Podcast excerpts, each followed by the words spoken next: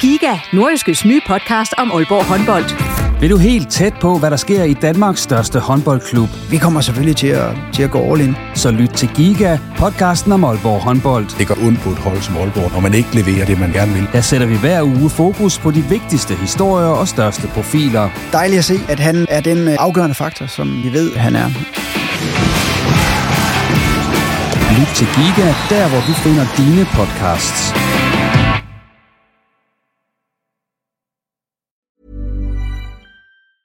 Hey, it's Danny Pellegrino from Everything Iconic. Ready to upgrade your style game without blowing your budget? Check out Quince. They've got all the good stuff shirts and polos, activewear, and fine leather goods, all at 50 to 80% less than other high end brands. And the best part? They're all about safe, ethical, and responsible manufacturing. Get that luxury vibe without the luxury price tag. Hit up quince.com slash upgrade for free shipping and 365 day returns on your next order. That's quince.com slash upgrade. Hold up. What was that? Boring. No flavor. That was as bad as those leftovers you ate all week. Kiki Palmer here, and it's time to say hello to something fresh and guilt-free. Hello Fresh. Jazz up dinner with pecan-crusted chicken or garlic butter shrimp scampi. Now that's music to my mouth. Hello Fresh. Let's get this dinner party started. Discover all the delicious possibilities at hellofresh.com. Du lytter til en podcast fra Nordjyske Medier.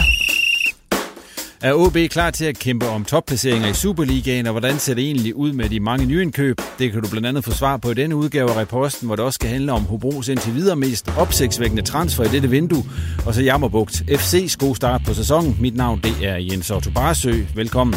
Og med mig i studiet den her gang, det er Thomas Enevoldsen, der jo spiller for Hobro IK, Bo Sink, der er cheftræner hos Jammerbugt FC, og så Claus Jensen, der er sportsredaktør hos øh, Nordiske Medier.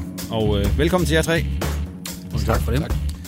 Og øh, vi tager lige en runde ved bordet her, som vi plejer, og øh, vi starter med dig, Thomas. Hvad siger dine øh, OB-venner egentlig til, at du øh, nu er Hobro-spiller?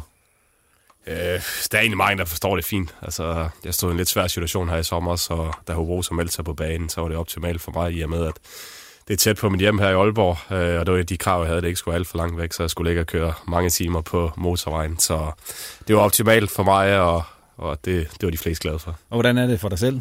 Efter så mange år som OB, så lige pludselig at spille i Hobro? Ja, man kan sige, nu skifter jeg ikke direkte, så det er jo efterhånden en del år siden, jeg har spillet i OB. Øh, Ah, så mange år er det ikke siden. Ah, tre, fire, hvad det, hvad det blev nu. Tiden flyver. Øhm, Ja. Så nej, altså, det, jeg synes, det, det er rigtig fint for mig, og det er ikke sådan, at jeg, at jeg ikke kunne spille i en anden dansk klub, og, og slet ikke Hobro, som, som også er en nordisk klub, så jeg repræsenterer stadig Nordjylland. Det er nemlig rigtigt. Claus Jensen, videre til dig. Øh, nede på sporten, der gør I jo klar til en sæson, hvor der kun er ét Superliga-hold, efter sæsoner, hvor der sidste sæson var to, og forrige sæson var tre. Hvordan bliver det? At der Jamen, jeg skal lige vende mig til at, at kun at kigge efter et hold, når jeg sådan skal lægge planen. Altså, der kun er et hold i Superligaen. Altså, det er da, det er da nyt, men det er også øh, okay, vil jeg sige, fordi at, øh, vi har nok at se til. Så øh, det er fint nok, at øh, der er OB som flagskibet, øh, og så kan man så håbe på, at der kommer, kommer lidt mere ramachan i den med, med Vendsyssel og Hobro i den kommende sæson. For jeg tror, at begge hold vil være med i den sjove ende af, af Nordic Bet Ligaen. Hvor meget krudt skal I bruge på første division egentlig? Det er lidt op til Hobro og Silkeborg, eller Hobro, Hobro og Vendsyssel, øh, fordi hvis de er med i toppen, så bliver vi tvunget til at, at bruge noget krudt på det. Bliver det i den anden ende, så øh, kan vi nok øh, argumentere for at, at, at slække lidt på, øh, på dækningen. Vi skal videre til Bosink, og Bo, du kommer jo direkte fra kamp. Sådan set, de har spillet pokalkamp her til aften mod Vejgaard. Hvordan gik det, Bo? Vi vandt, øh, vi vandt 2-0 og videre til, til anden runde. Er det en tilfreds træner? Vi har Ja, det er altid, når vi vinder og holder 0, så er jeg rigtig, rigtig glad. Så, så det er jeg også i dag, der var ting, vi godt kunne have gjort bedre, sådan er det hver gang, når man har spillet en fodboldkamp, men det er altid svært at spille... Det er altid svært at spille pokalrunder, hvor man er, man er favorit ind til opgøret og, øh, og bringer nogen, der har brug for spilletid, så kan der godt være nogle ting, der ikke sidder i skabet, men øh, vi fik, øh, fik hævet det hjem og vinder øh, 2-0 fortjent og videre til, til anden runde, som, øh, som giver os øh, sekset middelfart øh, hjemme 6. oktober. Hvad er du mest tilfreds med i aften, udover at I vandt? Jeg skal herind og glæde mig til, at der var lavkage, men der er ingenting som så vanligt, så, så det havde jeg faktisk glædet mig til, men der blev jeg selvfølgelig skuffet. Der var en kop kaffe. Jamen, okay, jeg, altså, vi er glade for at vinde i Vejgaard, fordi ja. altså, sidste gang vi var ude, der spillede vi øh, 3-3 efter, øh, vi førte 3-1, og skulle vel have ført øh, 7-1, og så øh, var det vel dejligt at få sat skabet bare en lille smule på, på plads i forhold til, til det. Vi lukker den der, og tillykke med, med sejren endnu en gang, og så middelfart. Det, var, det er du ikke sådan helt tilfreds med. Du kunne godt have tænkt dig lidt større hold, kan jeg mærke på dig. Ja, men så er det jo, den, øh, det er jo vejen til Europa. Altså, Ja, ja. Der ligger måske Slovan Bratislava inden alt det her, en, en tur dernede til. Så, ja, men vi får, altså lige omkring den der får vi jo en, øh, en, øh, en kamp med, med lys på vores øh, stadion der, så det får vi testet af, og så får vi en, får en god mulighed for at gå videre i pokalen, og så eventuelt trække et af de, et af de store, så det er okay. Yes. Vi skal starte med at snakke om øh, AB OB, og øh, Claus, du har jo set alle træningskampene. Status på dem inden sæsonstart, hvis vi tager udgangspunkt i de fire testkampe. Hvordan ser OB ud sådan pt? Og det er lidt svært at sige, fordi de har jo ikke stillet i øh, stærkeste opstilling i nogle af de her kampe. De første to, hvor man taber 2-1 til både Silkeborg og Esbjerg, altså to nedrykkere fra Superligaen, der er, er der rigtig mange spillere, der, der ikke er til rådighed, og man vælger også at skifte 11 mand i pausen i begge kampe, og, og får egentlig ikke sådan stillet med det, der ligesom er den forventede opstilling. Så det er sådan lidt svært at bruge det til noget, men der så de jo halsløje ud, vil jeg sige. Især defensivt, der, der var de rigtig, rigtig sårbare på omstillinger. Det var de vel sådan set også i den efterfølgende kamp mod Randers, hvor de så vinder 4-3, men der begynder offensiven så at folde sig ud, og der kan man så sige, at det, det har været pil opad i hvert fald, øh, senest også med, med 2-1 over OB. Så det ser fornuftigt ud, vil jeg sige, men det er jo værd at bemærke, at, at der godt nok er kommet en masse nye spillere til, men det er nok begrænset, hvor mange af dem, der i virkeligheden er med i startopstillingen, når det går løs i Lyngby på søndag. Det der med at skal spille, det kan jeg også lige høre i andre om, det der med at skal ind og spille den første turneringskamp, og så rent faktisk ikke kan have spillet med det hold, der formentlig kommer til at spille. Betyder det noget? Ja, det synes jeg, det gør. Altså det, jeg tror aldrig, jeg har prøvet at, at gøre andet end i hvert fald, øh, når man når til, til sidst i en øh, opstart, at, at man øh, forsøger at spille øh, dem ind, øh, der, der skal spille øh, den, den første turneringskamp. Det er meget normalt, men, men det er jo ikke ens med, at det er det rigtige, men det er jo sådan, at man øh, normalt set gør det, for der er også nogle relationer, man, man skal øh, dyrke øh, i fodbold. Der er både tryghed og relationer, det er det, der tit skaber resultaterne i, i fodbold. Så men om det er på grund af skader eller, eller andet, det er jo, det er jo et godt spørgsmål, men... Øh, og det skal man jo ikke kloge sig i, om det er rigtigt eller forkert. Det siger bare, at der er mange, der, der, der spiller, øh, når man er op til øh, tæt på sæsonstart, så er det, så er det med den øh, forventede start. Øh, 10-11 stykker, man, øh, man kører, kører los med. Det vil, være, det vil være meget naturligt i hvert fald. Men der har OB jo så været udfordret af, at øh, Rasmus øh, Talander har været i stykker, og derfor ikke rigtig har kunne spille. Øh, og øh, så har øh, hvad hedder det, øh, Mathias Ross været med U19-landsholdet, så han kunne heller ikke spille den sidste.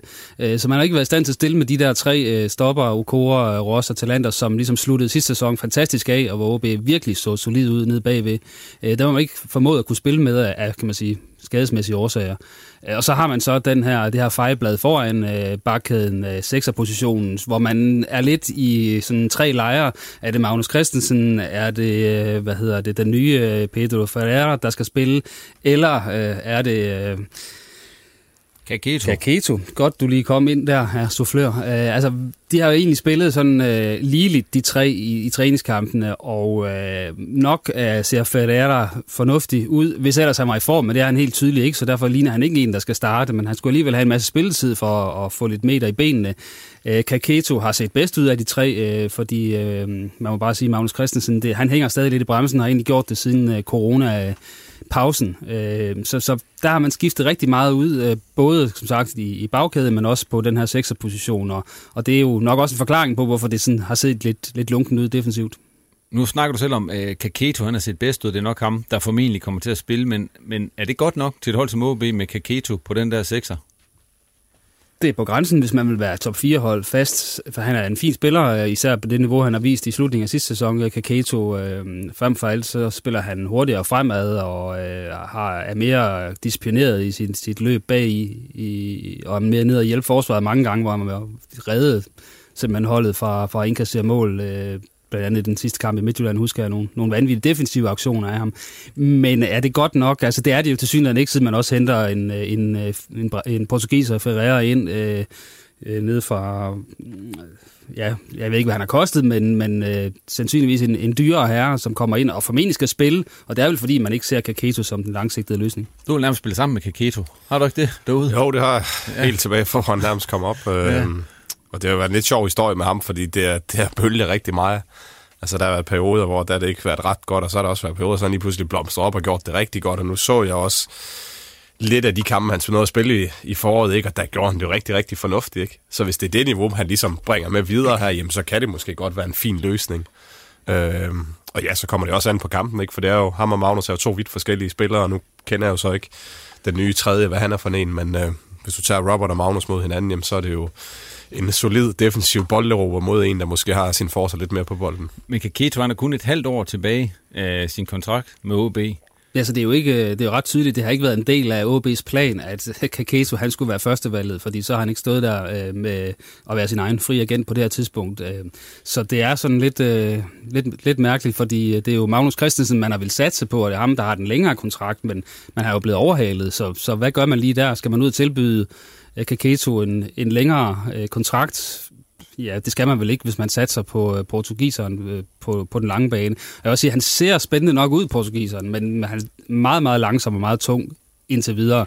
Uh, men uh, meget kan selvfølgelig uh, blive bedre, når han kommer i form, og han ser også fint nok ud på bolden. Noget lyn tror jeg du aldrig, han bliver. Bo, du har vel trænet Kaketo?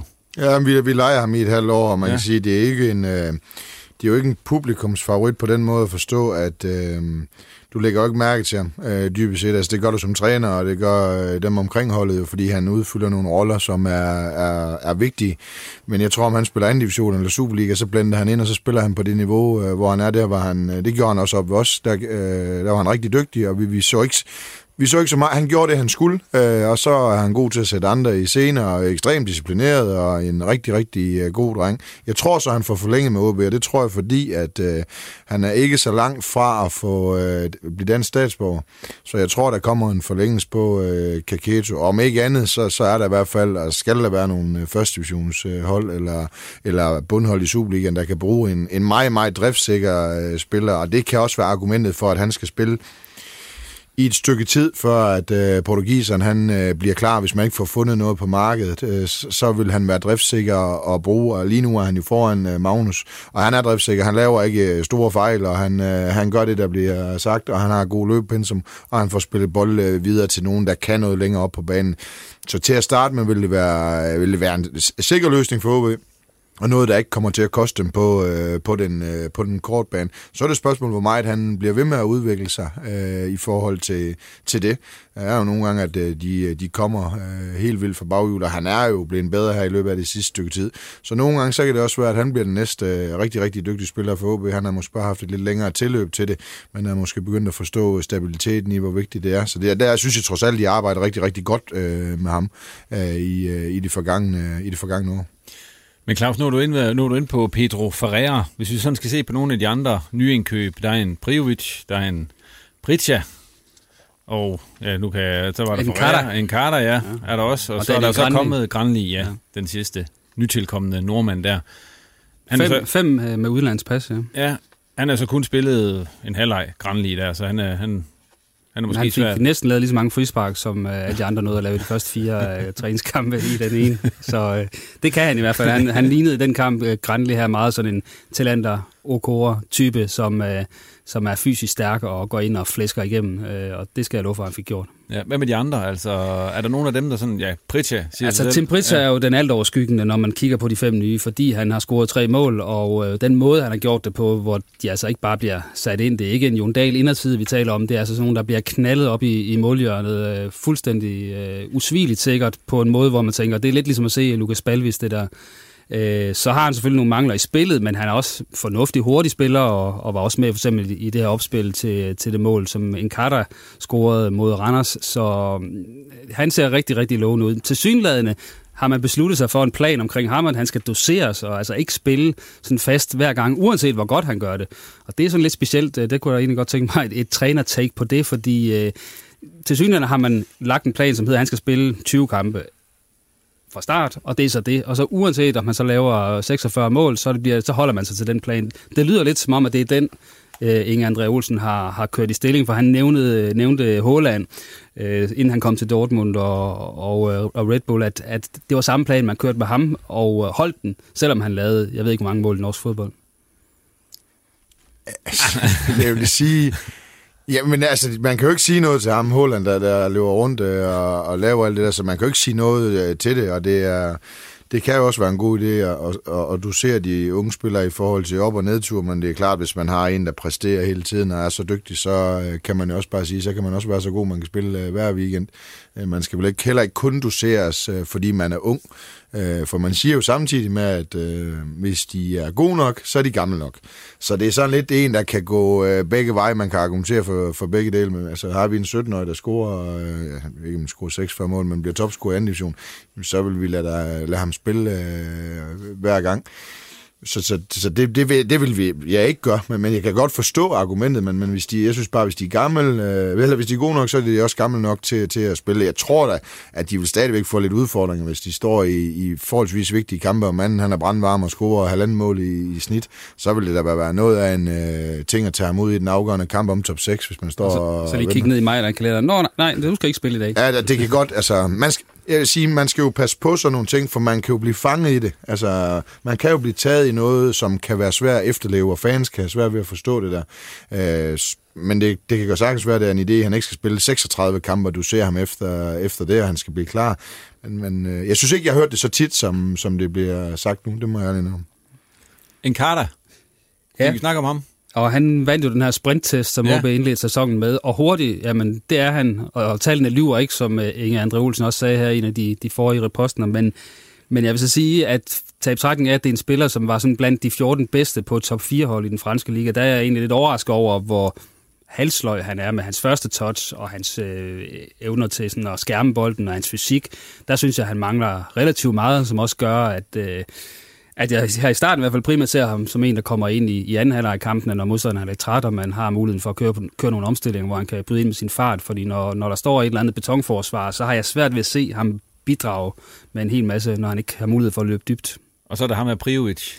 Ja, det er, som er en reserve. Ja, meget, meget ufærdig ung spiller, vil jeg sige, så, så ham forventer jeg egentlig ikke, man kommer til at se det helt store til i efteråret, men det er klart, at øh, man kan godt se, at der er noget fodbold i ham, og især offensivt, synes jeg, han har nogle, nogle kompetencer, men øh, jeg tror ikke, vi ser ham spille rigtig mange kampe i det her efterår. Så er det også blevet sendt nogen ud. Der er Tellusen, der er rådet til Lyngby den anden dag. Så her, øh, inden vi begyndte op til, der kom der en presmeddelelse OB om, at Vessam Abu Ali, han er blevet solgt til Silkeborg. Fire et halvt år, du. Fire et halvt år. Hvis vi tager Tellusen først, øh, var det det rigtige for ham at få OB, at det sluttede nu, det her?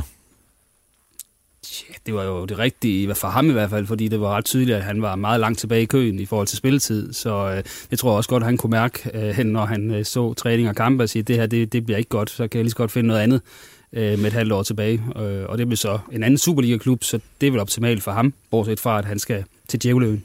Hvorfor bliver det aldrig, du har spillet sammen med Tillusen derude, Thomas. Øh, hvorfor, hvorfor bliver det aldrig ham og OB, hvorfor blev det aldrig sådan super godt? Altså han havde jo nogle enkelte kampe, hvor han virkelig shinede. Altså for eksempel den der kamp, hvor han skød fire mål mod Silkeborg og så videre, men det bliver aldrig sådan rigtig, rigtig godt. Nej, desværre vil jeg sige, for jeg kan rigtig godt lide øh, Tellufsen. Jeg synes, han er en fantastisk person, også en med en helt rette mentalitet. Øh, lige fra han kom op, han øh, arbejder utrolig hårdt. Øh, masser af selvtræning og god i styrkerum og de der ting, som du gerne vil se fra en ung. Men det er bare som om, det ikke rigtigt at komme videre fra han kom op. Og så til i dag, for jeg synes, han var rigtig spændende, da han kom op. Han havde en god fysik dengang, han var god på bolden, og som man siger, har han også haft en enkelt kamp, og laver fire mål. Og det vidner om, du har en kvalitet, ellers gør du ikke det.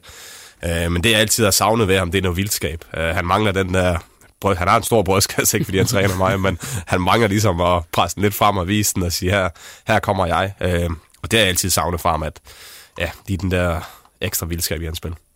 En, der ikke sådan har i hvert fald nok kunne løfte brystkassen, det er så Visser. Men det bliver heller aldrig sådan rigtig øh, godt med ham og OB. Hvorfor, Bo, du har tidligere forholdt dig til, til Vissam og så videre. Hvorfor tror du, han har råd til Silkeborg nu? Fordi han, efter han kom tilbage fra Vendsyssel, har det vel ikke været tvivl om, at han skulle afsted igen?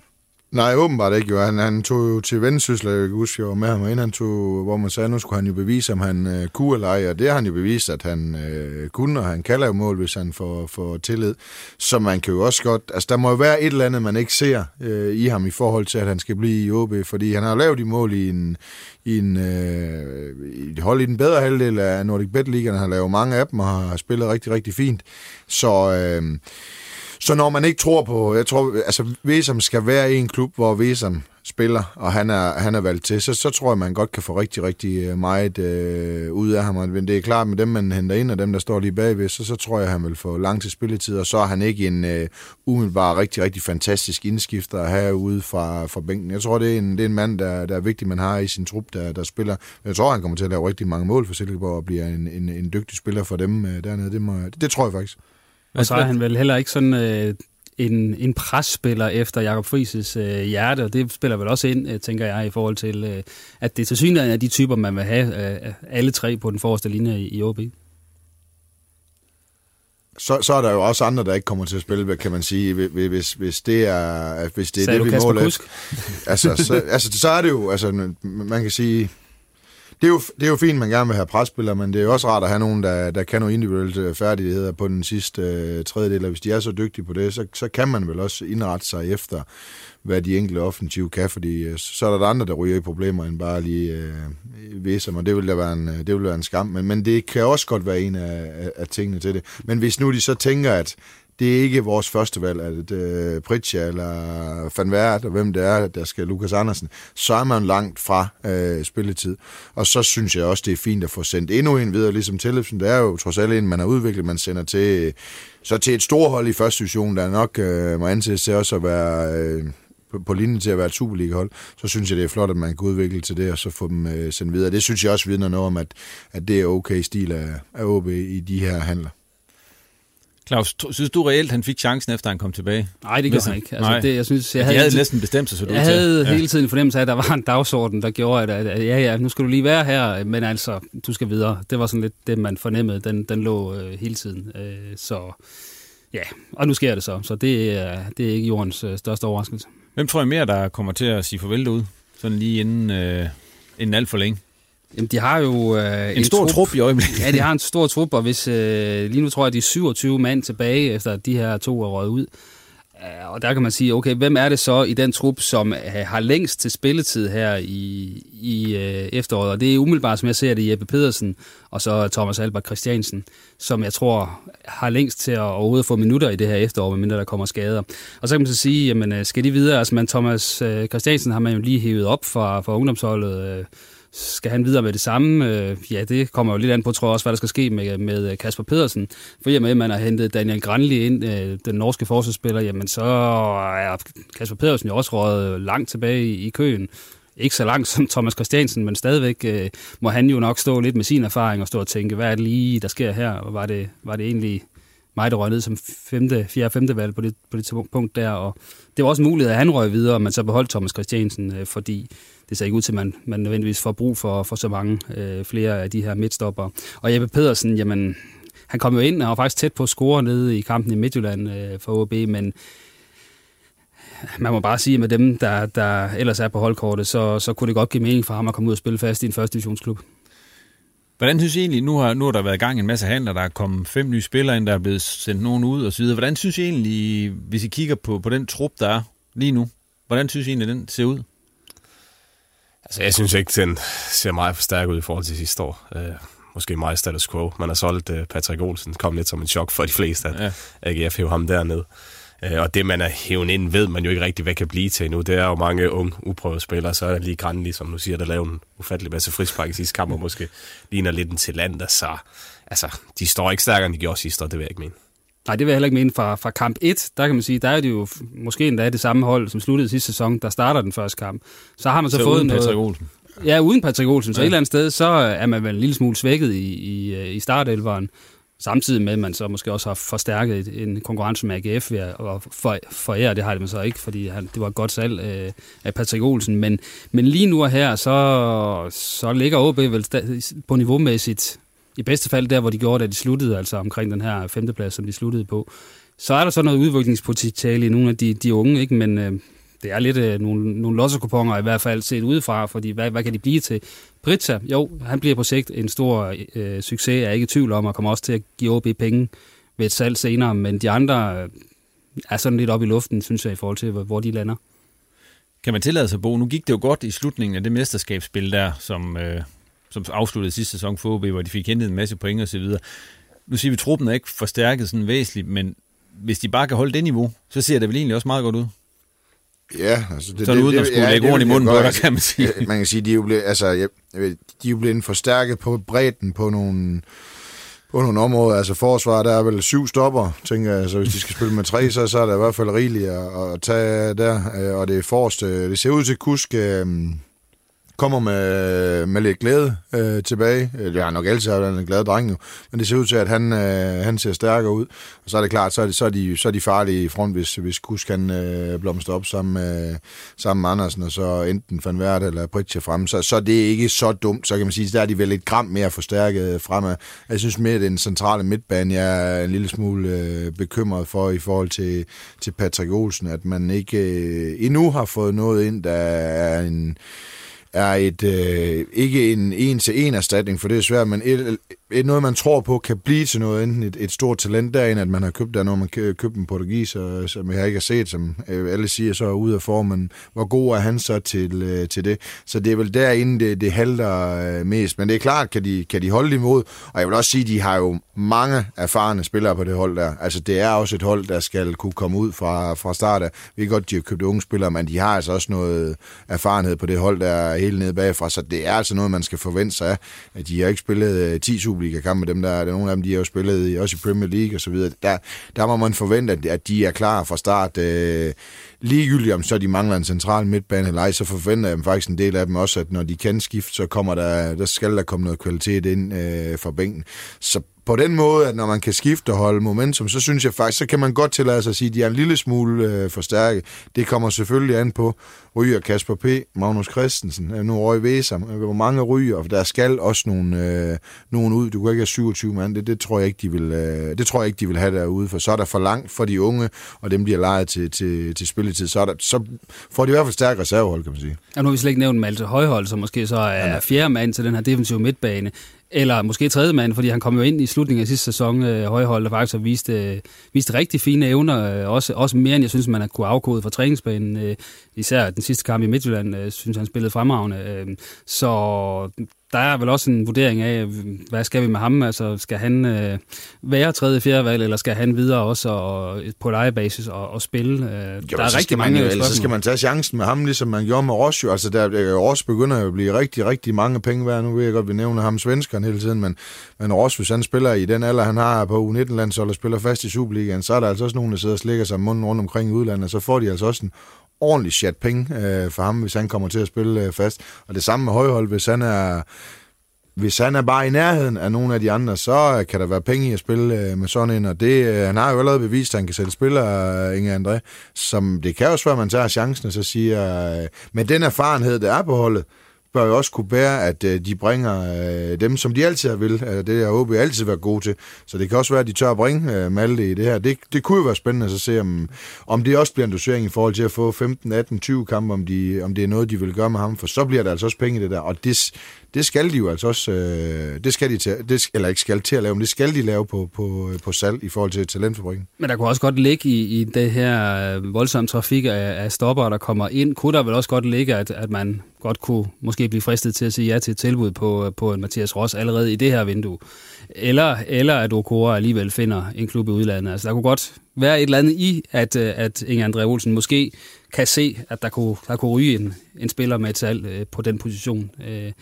Øh, siden at man sådan henter Granli ind. Sådan. Det er vel usandsynligt, at der ikke ryger en midterforsvar, inden det lukker Nej, men en ting er, at der ryger en, fordi man Ja. vælger at sortere ham fra, men noget Ja. andet er, hvis der, der bliver solgt en for, for 10-15 millioner, så, så, er det, så er det til den bedre side, kan man sige. Ja, han henter ikke Granli ind for at have 6-7. Der, er, der, der skal være noget undervejs, om det er med en eller to stopper. Det, det, det, det, det bør der være øh, noget undervejs, eller så virker det, øh, så virker det i hvert fald som en, så virker det lidt underligt i forhold til det. Så, så der kommer nok til at ske noget enten med et salg, eller det kan også være Kasper Peter bliver solgt eller udlejet, det ved vi ikke. Vi har været inde på Patrick Olsen, at det var sådan lidt et overraskende salg, og øh, om det var godt eller skidt, det ved jeg ikke helt. Er vi enige om, at det var et godt salg, eller var det et skidt salg? Hvad, hvad, hvad tænker du? Økonomisk er det en rigtig god forretning. De købte ham for et år siden. Uh, han er cirka lidt rundt mellem nogle klubber, ikke rigtig slået igennem. Kommer herop, finder tryghed, spiller en rigtig god sæson. Og bliver solgt for hvad? 16 gange, hvad han blev købt for, eller sådan et eller andet. Uh, hvad lige sådan tror, ikke? Så på den økonomiske side, der, der er det selvfølgelig godt salg. Hvem var en sportslig, tænker vi? Øh, Jamen, der er det jo dårligt, fordi det er jo en god spiller, de mister, og jeg tror da også, der går ind på de fleste OB-fans i hjerterne, at, øh, at AGF lige pludselig kommer og siger, her har vi en helvedes masse penge, vi bruger på en af jeres gode spillere, at øh, magten ligesom er tippet over til dem efter den her sæson. Øh, og han også er ude at sige, at han føler, at der hvor AGF er nu, det, det er længere frem, end, end hvor OB er. Dengang du spillede i OB, der var ikke mange, der blev solgt til AGF. Nej, det var der ikke. Der blev man op. Ja. Er det, er det, sådan, er det her, det her Patrick Olsen selv, er det også et udtryk for, at AGF ligesom har overhældet OB, sådan i hierarkiet, eller hvad tænker I? Ah, altså, det, det, altså, jeg vil sige, når du køber en spiller for 5, 6, 700.000, ikke, og sælger ham for en 7-8 millioner, så må jeg bare sige, det, det er decideret fremragende øh, solgt, og han har overpræsteret på alle øh, parametre, man kan måle ham på i, i den her sæson. AGF har så også overpræsteret på alle de parametre, de kan i den her sæson, og det ved vi jo ikke, hvad der sker der. Så, så jeg synes, at det er, at det er jo det, man også har været lidt efter tidligere, øh, det er, at de ikke har solgt spillere. der, der laver de altså øh, rigtig, rigtig mange penge øh, på det her, og man kan jo ikke vide, at man kunne få den her sum, øh, Øh, igen øh, på Patrick Olsen. Jeg kan godt forstå, at sådan spillermæssigt, så er, det, øh, så er det selvfølgelig træls at sælge en spiller, men hvis der er nogen, der vil give så mange penge, så synes jeg, det er, så synes jeg faktisk, det er fornuftigt, at, øh, at de gør det, og efterlader rum til den næste, der kommer ind. Jeg synes, det er fremragende fundet, og det er rigtig, rigtig godt øh, solgt. Jeg ved ikke, om magtbalancen så er tippet i, i den jyske, øh, det, det ved jeg ikke. Altså, nu vil Åbe jo også gerne er rigtig god til at udvikle, øh, og har været det hele tiden. Det har AGF jo ikke haft ry for, det kan man sige. Øh, så de skal jo også købe nogen ind, øh, der er færdige i forhold til, hvad OB gør. Så hvis OB skal længere op endnu, så, så gælder det jo også om at få solgt spillere for at få penge ind til at investere i de nye. Og hvis du ikke sælger nogle spillere, så får du altså heller ikke noget at investere, for der er der ikke nok med sponsorater. Så jeg, jeg synes, man kan altid sige, at det er træls at miste en, en rigtig dygtig spiller, men jeg synes faktisk, det her, det giver, det, jeg synes faktisk, det giver rigtig, rigtig god mening på, både på kort og, og, og, og langbane. Man kan også sige, altså, hvorfor kan AGF gøre det? Det er jo fordi, de har solgt uh, Mustafa Bundu til Anderlecht for mm. et væsentligt højere beløb end det her, og så kun går ud og bruger måske en tredjedel af pengene på at hente Patrick Olsen i stedet for. Så man kan sige, det er jo ikke fordi AGF kan gøre det her hver kvartal og gå ud og bruge 7-8 millioner på at købe en OB-spiller. Forventer jeg ikke i hvert fald. Men det, det, er vel den, det er jo den dyreste handel med, hvor FCK og Midtjylland ikke er involveret. Så det siger jo også noget om den her handelsstørrelse. Og, og vi ved jo heller ikke, om AGF har været ude og sætte et Øh, var det ikke øh, FC Midtjylland, der købte Boring for, var det for 20 millioner engang, bare for næsten at bevise, at de kunne, og det ved vi heller ikke, om det her er dybest set øh, også en del af, af taktikken i det. De får selvfølgelig en god spiller, og, og de vil gerne holde sig i top 6, men øh, jeg synes ikke magtbalance. Jeg synes, der er så stor forskel på de klubber stadigvæk. Jeg synes, det, at, at OB er jo en fantastisk talentfabrik, og så krydret med en masse... Øh, erfaring, så, så tror jeg, at det er den rette vej i forhold til at tjene endnu flere øh, penge, og de er blevet markant forstærket på talentfronten i forhold til penge der også. Jeg tror faktisk, at hvis, hvis de bliver ved med at være lige så dygtige til at sælge spillere til de her priser, jamen så kommer vi bare til at se et markant forstærket øh, OB på rigtig, rigtig mange områder. Man skal også sige, at der skal mere end én sæson, og som vil være første gang i 10 år, at AGF ender over OB i tabellen, så jeg vil sige, at, at den er den er vippet fuldstændig over til AGF's fordel. Jeg synes stadig, den er i luften i forhold til, hvad der sker i den kommende sæson. Så kan OB lige så godt ende over AGF i min tabel, øh, i mit hoved, end det kan blive AGF derinde over OB. Og så er de spiller med musklerne, ikke? fordi der er ingen tvivl om, at de går ind og siger, at der er en rigtig god spiller, som kan forstærke vores hold, og så svækker vi vores måske direkte konkurrent, som de måske ser OB som, mm. til den her top 6. Så det er jo lidt den taktik, Bayern München altid har brugt i, i Tyskland, ikke med at sige, prøv at høre, Dortmund, de har mange gode spillere, så dem støvsuger vi for dem. Så det kan også være noget symbolik i, at uh, de mangler en god spiller på den plads, hvis de prøver at OB har en, og så gør vi deres hold dårligere samtidig. Og hvis man så samtidig sætter lidt på spidsen, så har Patrick Olsen spillet en god sæson de sidste 7-8. Altså, mm. Mm. hvem siger, at han sætter to gode sæsoner sammen? Øh, så, så det kan være, at man står her med et år og tænker, at det var, det var ekstra godt solgt af OB, hvis ikke sådan, han brager igennem i AGF. Vi må se, hvad der sker med ham, Patrick Olsen. Men Thomas, lige for at gøre en altså, dengang du spillede for OB, der var ikke nogen, der skiftede til AGF, det er jo godt være enige om. Det var der ikke, nej. altså, der skiftede du nærmest ikke for OB øh, på det tidspunkt, og, og dengang ved jeg, at også Brøndby var interesseret i mig, men altså, det Brøndby dengang, at det er OB, altså der er jo ingen tvivl om, jeg ikke skulle, skulle skifte til Brøndby, nej. fordi OB var foran på alle parametre på det tidspunkt. Vi vandt mesterskabet, vi spillede øh, europæisk mange år, så, så nej, altså dengang skifter du ikke til AGF, og det gør han så nu, og det er også, som vi siger, det er jo nutidsspillet i og med, at AGF havde en rigtig flot sæson, og de skal spille europæisk nu. Og der er Patrick Olsen måske også tænke på, at jeg får en rigtig, rigtig flot løn hernede, og jeg skal spille europæisk, ikke? Hvornår vil jeg komme til det med OB? Ja. Og så var han måske, altså, han har spillet OB i en sæson. Det er jo også, måske, der er jo også noget med tilhørsforholdet. At han har spillet så mange klubber, han er lidt en klubnomade, så der er vel ikke sådan, han skulle bare hen, derhen, hvor lønchikken er størst. Ja, det er, altså, ja. han er der uden tvivl sted betragtelig i løn, og det er, der, det er der en god case for ham, og det er en god case for, for OB, og det er vel også spændende at se, det bliver en god case for AGF, men i hvert fald for spillerne impliceret, og OB har det været en god case. Han tjener masser af penge, og fik vel en femårig kontrakt dernede, og kan i hvert fald med lidt uh, sund fornuft godt spare en lille smule op til, til dagene, der kommer efter fodbolden. Så det, det er jo også det, fodbolden går ud. Altså det der den loyalitet, det er jo øh, det er alle, det er Thomas også, det er vi alle sammen, der er inden for fodbolden. Vi er jo købte soldater, så, så, det, så dem, der lever af det, de skal jo også tænke på, at der, der kommer et liv øh, bagefter. Så det har jeg ikke, det, det kan jeg ikke have ondt i øh, over, at, at, at nogen tænker på deres øh, fremtid i forhold til lønsigt, Det vil, det vil man jo også selv have gjort. Hvis vi så lige ser på øh, OB uden for krigsdrejene, så har talentafdelingen har jo fået et ukendt antal millioner af Netcompany, og nu er det så blevet omdøbt til OB Akademiet. Øh, hvis sådan I kigger på det, hvad er så det vigtigste at bruge penge på i forhold til at uddanne flere talenter til, til førsteholdet? Fordi at, øh, de, som vi har været inde på, de uddanner jo allerede masser af talenter derude. Men det skal åbenbart optimeres. Altså, hvor er det, man kan optimere derhen? Nu er det længe siden, jeg har været ude på anlægget, ja. men øh, jeg kan da huske, at øh, 1885-bygningerne, de var, de var godt brugt, da, da jeg tog for OB. Det er de stadigvæk. det er de stadigvæk, siger du. Så der tænker jeg, at man kunne bruge nogle af pengene på at lave nogle rigtig fede faciliteter. Altså optimere på den ting, for der er ingen tvivl om, at fodbolden har flyttet sig rigtig meget. Altså det stiller bare endnu større krav nu hvilken fysisk forfatning du er i, også i forhold til da jeg kom op. Så det gør, der er bare nogle nye parametre i forhold til restitution, i forhold til en rigtig styrketræning, i forhold til, jamen de har nogle gode baner at løbe og træne på også, det kunne jeg også huske nogle gange, da jeg var ungdomsspiller, der var nogle forfærdelige baner, nogle gange vi løb og træne på Bo, og også været derude, ikke? Så jamen, måske, øh, jeg ved, det er kommunen, der har styret det mange år, altså få en mand ansat måske til at passe banerne, så du får nogle tip-top baner året rundt. Øh, altså, så i hvert fald noget med faciliteterne, øh, som jeg lige husker, så, så er det i hvert fald at smide nogle penge der nu, nu jeg, jeg kender jeg, han kommer øh, oprindeligt fra Pandova, ham der har Midtjyllands U19-hold, og der har jeg set deres øh, stab omkring sådan en øh, Champions League-kamp, så det, det er klart, at, at kan du... Jeg er enig med Thomas, øh, jeg havde så ikke brug for de gode baner, dengang. Vi var vel, vel lidt ligesom Grandi, altså jeg, var, jeg sad jo også mange midt over, men det er sådan en anden historie. Øh, der kan jo godt være flere omkring et hold, jo, man kan få optimeret på, på, på den individuelle del, man kan være mere på som cheftræner, hvis der er flere omkring holdene, øh, man kan skabe endnu bedre forhold til dem, og det kan jo både være i forhold til øh, kost, det kan være i forhold til video, det kan være i forhold til øh, styrketræning, øh, det kan være i forhold til det mentale plan, øh, det kan være i forhold til fyser, man kan endnu mere om, øh, omkring dem. Så der, der kan være matchning i udlandet, hvad, hvad, hvad kampe, hvad, hvad stævner er man med til, hvad har man råd til at investere i det. Så der er rigtig, rigtig mange parametre, man kan blive ved med at dreje på, og det er klart, når OB får sådan et indskud i forhold til, at man øh, har hele Nordjylland øh, for sig selv, kan man godt øh, sige, og vi, vi som alle andre klubber er rigtig stolte af at sende vores største talenter ud. Kan man gøre endnu mere på dem, altså, så er der også mulighed for, at der måske øh, kommer flere salg i en yngre alder.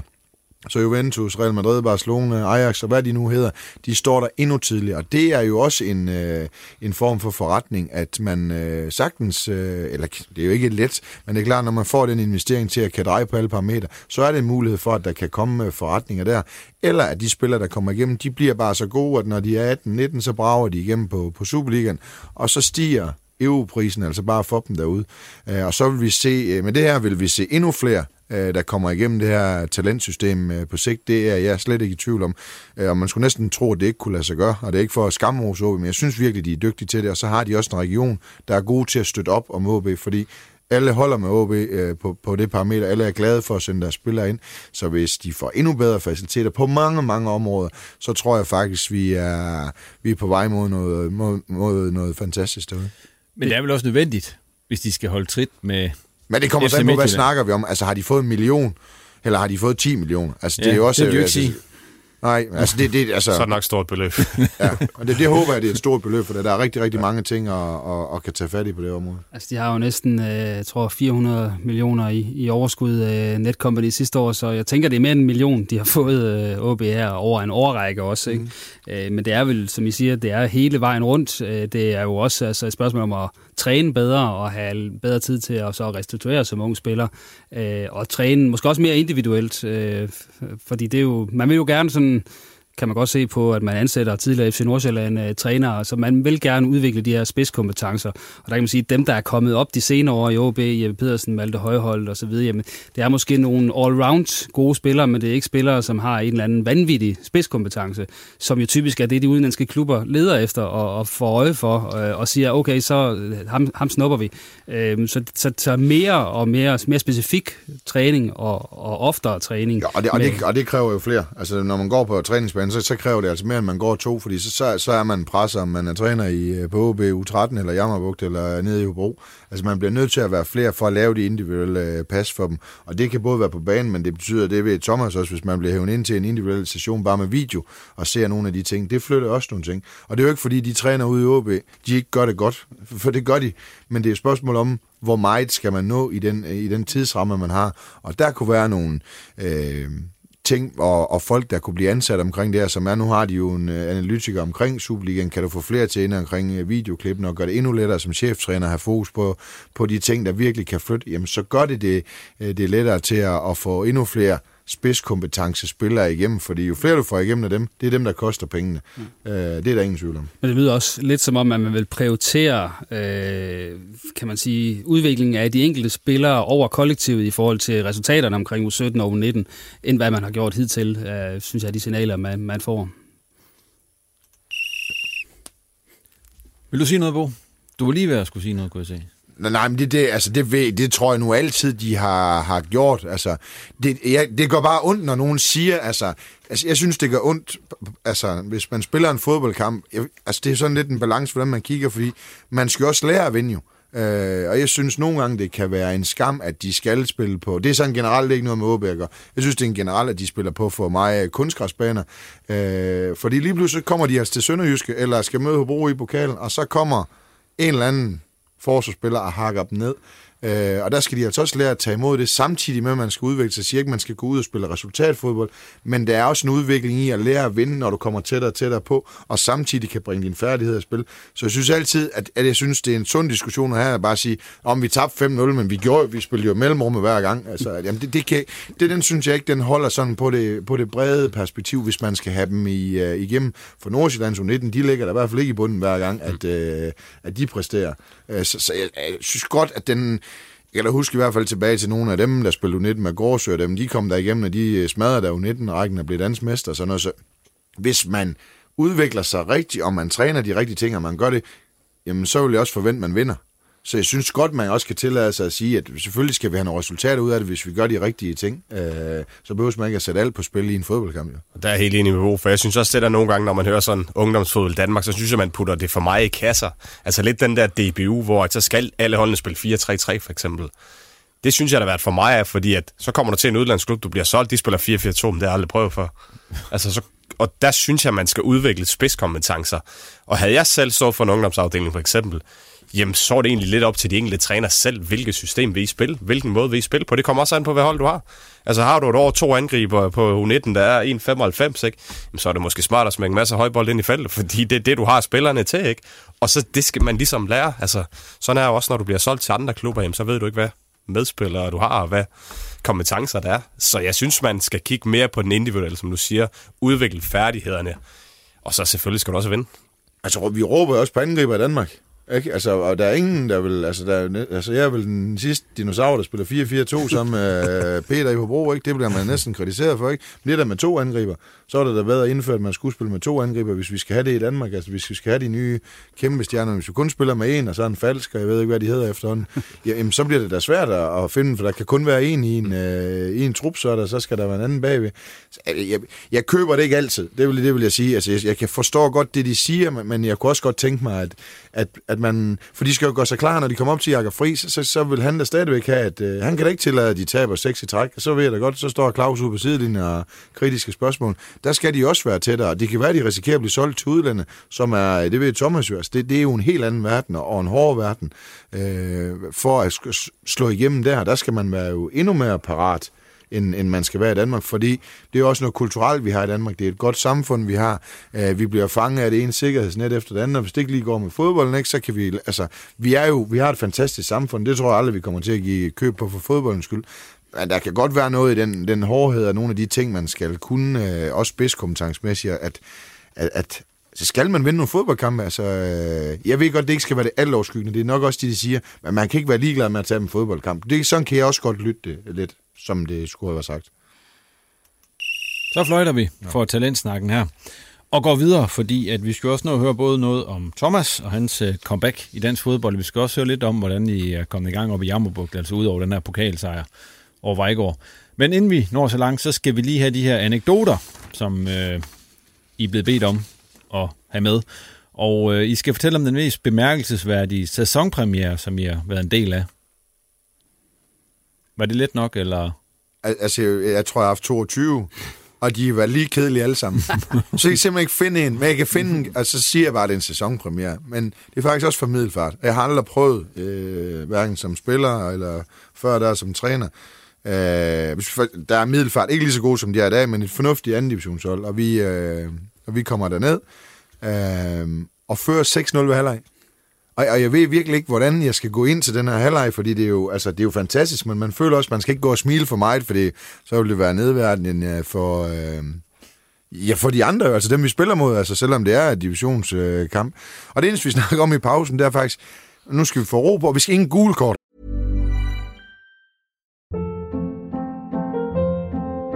Hold up. What was that? Boring. No flavor. That was as bad as those leftovers you ate all week. Kiki Palmer here, and it's time to say hello to something fresh and guilt-free. Hello Fresh. Jazz up dinner with pecan-crusted chicken or garlic butter shrimp scampi. Now that's music to my mouth. Hello Fresh. Let's get this dinner party started. Discover all the delicious possibilities at hellofresh.com.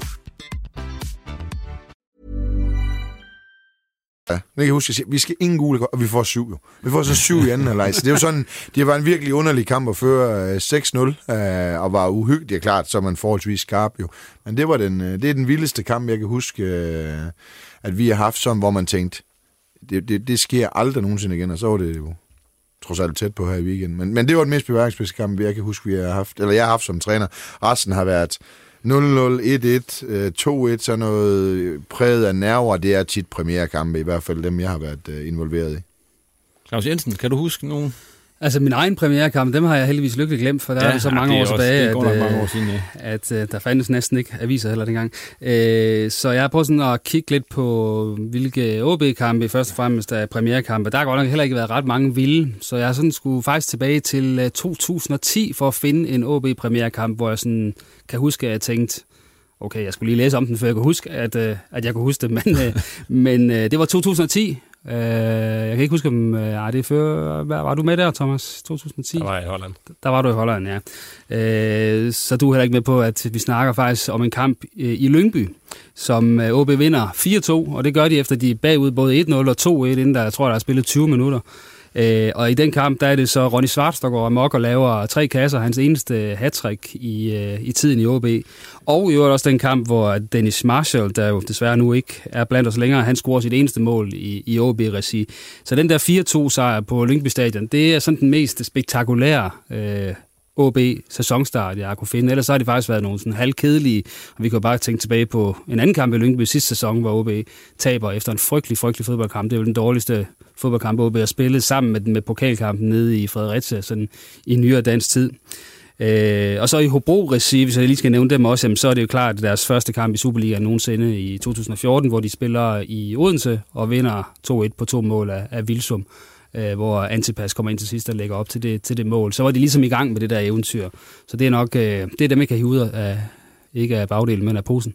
Hvad med dig, Thomas? Kunne du komme i tanke om Jamen, nogen? det er ligesom Bo, siger derovre, altså premiereklamp, det plejer altid at være nogle kedelige nogen. Øh, altså, jeg kan da huske, at vi spillede i Sønderjysk også spiller 0-0, og det er den tørste bane, jeg nogensinde har spillet. på. Jeg tror ikke, der var en afslutning i kampen. Øh, det var lige da jeg kom tilbage til OB i 14. Øh, så jeg gav også lidt dybere, så når vi snakker om premiere, så er det snakker om min egen hjemmebanepremiere. Dengang jeg fik min hjemmebane-debut for OB, og den havde en lidt sjov optakt. Nu er det så mange år siden, at, øh, at nu får jeg ingen straf for at fortælle den. men det var sådan, jeg spillede på 19 dengang, øh, og vi har spillet kamp om lørdagen, øh, og den havde vi vundet, og når vi gjorde det, så plejer vi at øde hygge os om aftenen, og, og var selvfølgelig også i byen den aften. Øh, tror jeg klokken 3, jeg havde fået okay med øl, jeg var ikke fuld, øh, men jeg havde fået fint med øl. Så ringer kun klokken 12 om søndagen, at øh, Hybert han er blevet syg, øh, og jeg skal møde ind som ekstra mand. Og jeg var lige stået op der, og kunne godt mærke, at jeg ikke få, få alt for meget søvn 9 timer var mig, men det var det jo ikke dengang.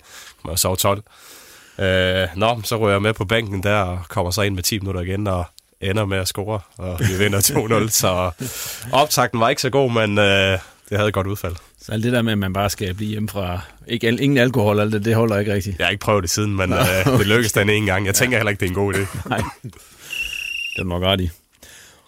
Thomas, vi bliver ved dig, fordi at øh, du er kommet tilbage til dansk fodbold efter nogle år i USA. Du er stadigvæk på kontrakt over i Orange County, som det hedder, men altså så blevet lavet ud til Hobro. Men hvis du ser tilbage på de der par år, du har haft i USA indtil videre, i Orange County og i Indy 11 og i, hvad hed de sidste? Sacramento Republic. Sacramento Republic, ja. Hvordan har det været at, at spille fodbold derovre? Jamen, det har været en kæmpe oplevelse. Ingen tvivl om det. Øh, jeg har altid haft sådan lidt en karriereplan, at når jeg kom lidt op i årene, kunne jeg godt tænke mig at komme til USA øh, og spille, fordi jeg har familie derovre, har rejst af mig, og er stor fan af landet, øh, hvad, alt det, hvad alt det indebærer derovre. Øh, så har jeg altid haft lidt en drøm om at komme over og slutte af og spille lidt i MLS. Øh, det har så vist sig at være ufattelig svært, og det var også ligesom plan med, at jeg tog det over det første år og sige, jamen, kan jeg finde en klub i USL, øh, så må jeg gøre det så godt jeg kan det, og så spille mig til en MLS-kontrakt, og det viser sig at være decideret umuligt at gøre. Øh. Og hvorfor? Det er fordi, at...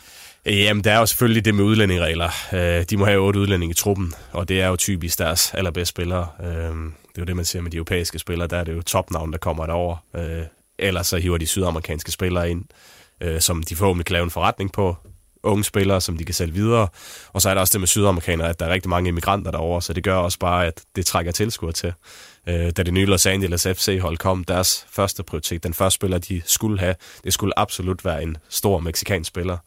Øh, og det endte så med at blive Carlos Vela, og det gør også bare hele den ene endetribune, der er fyldt med meksikanere. Så det spiller selvfølgelig også ind. Øh, og ja, altså jeg kan kigge mig selv i spejlet og sige, at jeg gjorde alt, hvad jeg kunne det år. Øh, jeg spillede 39 kampe, samtlige minutter i sæsonen. Øh, missede ikke et eneste. Øh, lave 21 mål og 10 assist. Øh, det er okay. Du til den tredje bedste spiller i ligaen, så jeg kunne ikke rigtig vise mig frem på andre måder, end jeg gjorde. Nej. Øh, jeg fik tilbud om en prøvetræning, øh, og det takker jeg pænt nej til, fordi det var efter at spille alle de kampe der, så, så hvis jeg skulle ind og træne med et hold, og det var faktisk med nogle ungdomsspillere, fordi deres første hold var taget på ferie, øh, i november måned efter en sæson, der mente jeg altså, at jeg, jeg havde vist nok dengang, og, og så løb det ud i, i sande. Hvordan er det at være fodboldspiller over i USA i forhold til at være det i Danmark eller Holland? Eller? Jamen, det stiller krav til fysikken i hvert fald, for der er ufattelig meget rejse derovre. Øh, jeg tror, den længst rejse, vi havde i Orange County, var sådan noget 12 timer eller sådan noget hvor der er to mellemstop øh, med fly, øh, og så lander du ned i Sydtexas, hvor der er 40 grader hvor du skal spille i det aften efter den rejse. Øh, så det stiller utrolig store krav til, til fysikken. Øh, restitution, øh, spise ordentligt, få en masse søvn, ikke? fordi der er rigtig meget rejse derover, Og der er også meget forskellige vejrspil i. Altså, så spiller du i Utah eller i Colorado, hvor du spiller i højden, hvor at, øh, efter en sprint, står der hiver efter vejret på grund af luftfugtigheden deroppe, og andre steder er der 35 grader, så du kommer hen, hvor i Indianapolis, hvor jeg var, hvor der var minus 15 om vinteren. Så der er så stor forskel på, på vejret også. Hvordan, øh, hvordan er sådan, hvis du siger, the boss omkring fodbolden derovre? Hvordan oplever du det? Jamen, fodbold er blevet større, ingen tvivl om det. Altså, nu snakker vi lige kort om MLS. Altså, det er jo eksploderet rigtig meget de sidste par år. Øh, godt hjulpet på vej af nogle store europæiske navne. Zlatan gav i hvert fald en rigtig fin reklame, da han var der. Øhm, og jeg tror, at Atlanta, de ligger nummer 11-12 stykker, hvis du tager gennemsnitligt antal tilskud til hjemmekamp i hele verden i fodbold. Øh, så det okay. viser jo bare, hvor, hvor stort det er blevet derovre. Øh, de er også begyndt at kunne betale bedre lønninger. Så jeg tror ikke, der går mange år, før du ser, øh, at der er flere yngre europæere, der tager det over, fordi at lønningerne lige pludselig er med, og det er en liga, hvor niveauet og ja, fansen omkring det der er mange. Hvad med sådan i Orange County? Hvordan er det? Jamen altså, det... Hvad, hvad, hvad vil du sammenligne det med i forhold til, hvad du har prøvet tidligere? Sådan også noget rent sportsligt og... Øh, altså, hvis vi ser niveauet, altså, så nu har jeg trænet nede i Hobro, og jeg, altså, jeg tror, det er meget lige hinanden øh, niveaumæssigt. Øh, altså, hvis du tager første og anden division og lægger dem sammen, der er 36 hold i ligaen, så det gør også bare, at der er stor forskel på nogle af dem. Øh, der er en del MLS-reservehold med, og når du møder de reservehold, der kan du risikere, at det er en startopstilling med 17-18-årige spillere, og du kan også risikere, at det er en med 5-6 førsteholdsspillere, så du ved aldrig, hvad der kommer til at møde. Øh, så det svinger meget i niveauet. Det gør det. Øh, de bedste hold kunne godt spille med i første division, øh, og de dårlige hold, jamen dem vil Bos måske også kunne, kunne slå det over. Ikke? Øh, og så er der også det med tilskuer, så du kan spille i Indianapolis, hvor der er 20.000 i kampen, og så kan du spille mod LA Galaxy hold, hvor der er 200. Så, så der er meget forskel på det. Så hvordan øh, er du blevet modtaget derovre? Altså, hvad er din status derovre? Fordi du, øh, du er vel et navn i Orange County, og sådan øh, en, af, altså en, en stor signing for dem. Ja, altså især efter første år. Det var også lidt, at bare det at komme til Orange County var en kamp for mig. Øh, på det tidspunkt var jeg nok Breda, hvor at, øh, jeg kun har været et halvt år og faktisk gerne hurtigt vil væk fra, fordi at jeg kommer derned, øh, får to kort indhop, hvor jeg scorer i den begge, blandt andet ud mod Feyenoord, hvor vi vinder 2-0. Øh, så går der en periode, hvor jeg stadig ikke får lov at starte ind. Øh, så kommer der tre kampe, hvor vi taber alle tre, og vi scorer ikke et mål, og han skifter stadig ikke. Øh, og jeg tror, det, der ligger bag det, uden at vide det 100%, men ret overbevist om det, det var, at vi havde en samarbejdsaftale med Manchester City, og der var seks spillere på lån fra City. Og det var ham angriberen, jeg kæmpede med her, og en af dem. Okay. Så jeg tror, der var et eller andet med, at de skulle bare spille. Altså, de fik jo rigtig mange penge for at have dem. Fordi altså, lige meget, han der var en periode, der scorede ikke i tre måneder. Kombineret med, at jeg fik to kort inden og scoret, og holdet ikke rigtig præsteret. Og så havde jeg en alder på det tidspunkt, sige, prøv, hvis det er sådan der, så, så vil jeg egentlig gerne videre og, og, og spille noget fodbold. Og så var, at vi, vi søgte det amerikanske marked for at finde noget derovre. Øh, og så gennem en hollandske agent, jeg kender, så, så fik vi Orange County på banen, og til at, sige, til at starte med, der sagde de nej, fordi at, øh, det var en hurtig spiller, de skulle have, og det var jeg ikke. Uh, så var han sådan ligesom ringer og siger, prøv nu lige at kigge på de spillere, her løbende rundt, og, og se på det CV, han kommer med senere spille i den hollandske æresdivision. Og ja, så endte det med, at de, de blev overvist og tog mig over, og det, det tror jeg kun, de var glade for. Har det været fodbolden, der har været det fedeste over, eller har det været alt det udenom? Eller er det sådan en 50 Jamen, Jeg tror faktisk, det er en kombination af ja. det, øh, fordi det er klart, du præsterer bedre på banen, hvis du så har det godt udenfor. Øh, og der er ingen tvivl om, at 2018 derovre, øh, både for mig, men også min kæreste Lærke derovre, noget i tiden, at det var det en af de største oplevelser i vores liv det år, fordi at, altså, du kommer over et sted, hvor du løber rundt først fremmest til træner i shorts og kortærmer hele året rundt. Øh, så du skal aldrig planlægge noget efter, om der er, der er dårligt vejr, for det er der stort set aldrig. Og så er Kalifornien jo bare et sted, hvor der er ufattelig mange muligheder. Du kan stå nede på stranden i shorts, øh, kigge på en palme og på bølge, og så kan du kigge op på bjergene, hvor der er sne. Så hvis du står på ski, så kører du halvanden time ind. Ikke? Uh, ufattelig meget fedt sport. Man kan tage ud og se uh, flot natur, koncerter, alle mulige arrangementer. Så det var jo sådan, altså hver dag jeg kom hjem fra træning, så slapper jeg måske lige lidt af, og så, så var det ellers bare ud og opleve noget. Nu er du så kommet til et sted, hvor du godt kan risikere at skulle have en langarm trøje på indimellem. Du er kommet til Hobro. Hvordan var forløbet i forhold til, til aftalen med dem? Fordi du har været hjemme et stykke tid, ja. videre, på grund af alt det her corona. Ja, øh, ja men det var jo sådan, at øh, min kæreste Lærke skulle have fløjet til USA i starten af juni, øh, og skulle have født derovre, øh, vores første barn, som hun fødte i juli. Øh, men på grund af rejseforbud derover så kunne hun ikke rejse afsted, og så blev jeg jo ligesom nødt til at, til at rejse hjem for, jeg for alt i verden ikke kunne glip af den fødsel. Øh, og det var Orange County helt forstående overfor. Altså, selvfølgelig skulle jeg hjem og, og være en del af det. Øh, så vi aftalte, at jeg tog hjem midlertidigt, hvis man kan sige det sådan. Øh, vi kom igennem fødslen, og, og så måtte vi se på, hvordan det så ud. For det var jo lige der omkring, de vidste stadig ikke, om, om de ville komme en gang med at spille i år. Øh, og så måtte vi ligesom se tiden an. Øh, så nu efter jeg rejste hjem, der begynder de at træne og gå i gang med at spille tre uger efter og sådan noget. Men det er en sæson, der er kort, for kortet ned, så deres sidste turneringskamp ligger i starten af oktober, og så kommer der muligvis noget playoff efter. Lige nu ligger de uden for de pladser, så Øhm, så vi blev enige om, at det måske var bedst for mig, at jeg fandt en, en lejeaftale her hjemme i Danmark, og, og blev hjemme resten af året, og, og fandt et sted at spille, og der var jeg jo rigtig glad for, at Hobro kom på banen, og, og synes det var en mulighed, fordi der er også andre klubber, der har været inde i billedet, men øh, der er også nogen, der har set mere på begrænsningerne, end, end de muligheder, det, det forhåbentlig de bringer med sig. Øh, altså, der var en klub, hvor at, øh, ja, hvis nu jeg begyndte at sidde på bænken, om jeg så ville blive sur, og det ene og det andet, som jeg ikke engang selv snakker med, det var gennem min agent, og en anden klub havde det også sådan, at øh, jamen, hvad nu hvis Thomas scorer 10 mål for os i efteråret? Vi mister ham. Ja, selvfølgelig er det træls, men hvis jeg scorer 10 mål for et hold i efter, så er det forhåbentlig også, fordi at holdet har fået nogle gode resultater, og står bedst til foråret. Øh, og der stod Hobro så i en situation på, på grund af Pauls skade og, og mangle en, en spiller, der kunne spille op foran og lave nogle mål. Og ja, det er jeg selvfølgelig glad for. Hvad, havde du, hvad, hvad overvejelser havde du sådan i forhold til, til Hobro? Altså var der noget, der gjorde, at du sagde, at det, det, det skulle være det, eller det skulle måske ikke være det? Nej, altså det, jeg havde ligesom, det eneste krav, jeg sådan havde, altså til at starte med, det var, at det skulle være køreafstand fra Aalborg, i og med, at vi har vores lejlighed her, og det her vores øh, bogpæl er, og med en lille nyfødt, der nu er seks uger, så, så er vi ikke til at flytte for en kort periode. Øh, så det skulle ligesom være noget, det, hvor det gav mening at, at køre fra Aalborg. Og, og det passer jo rigtig fint med Hobro også. Øh, så, så det endte med at, at lykkes med at finde en klub. Øh. Nu scorede du to mål i din debut i pokalen.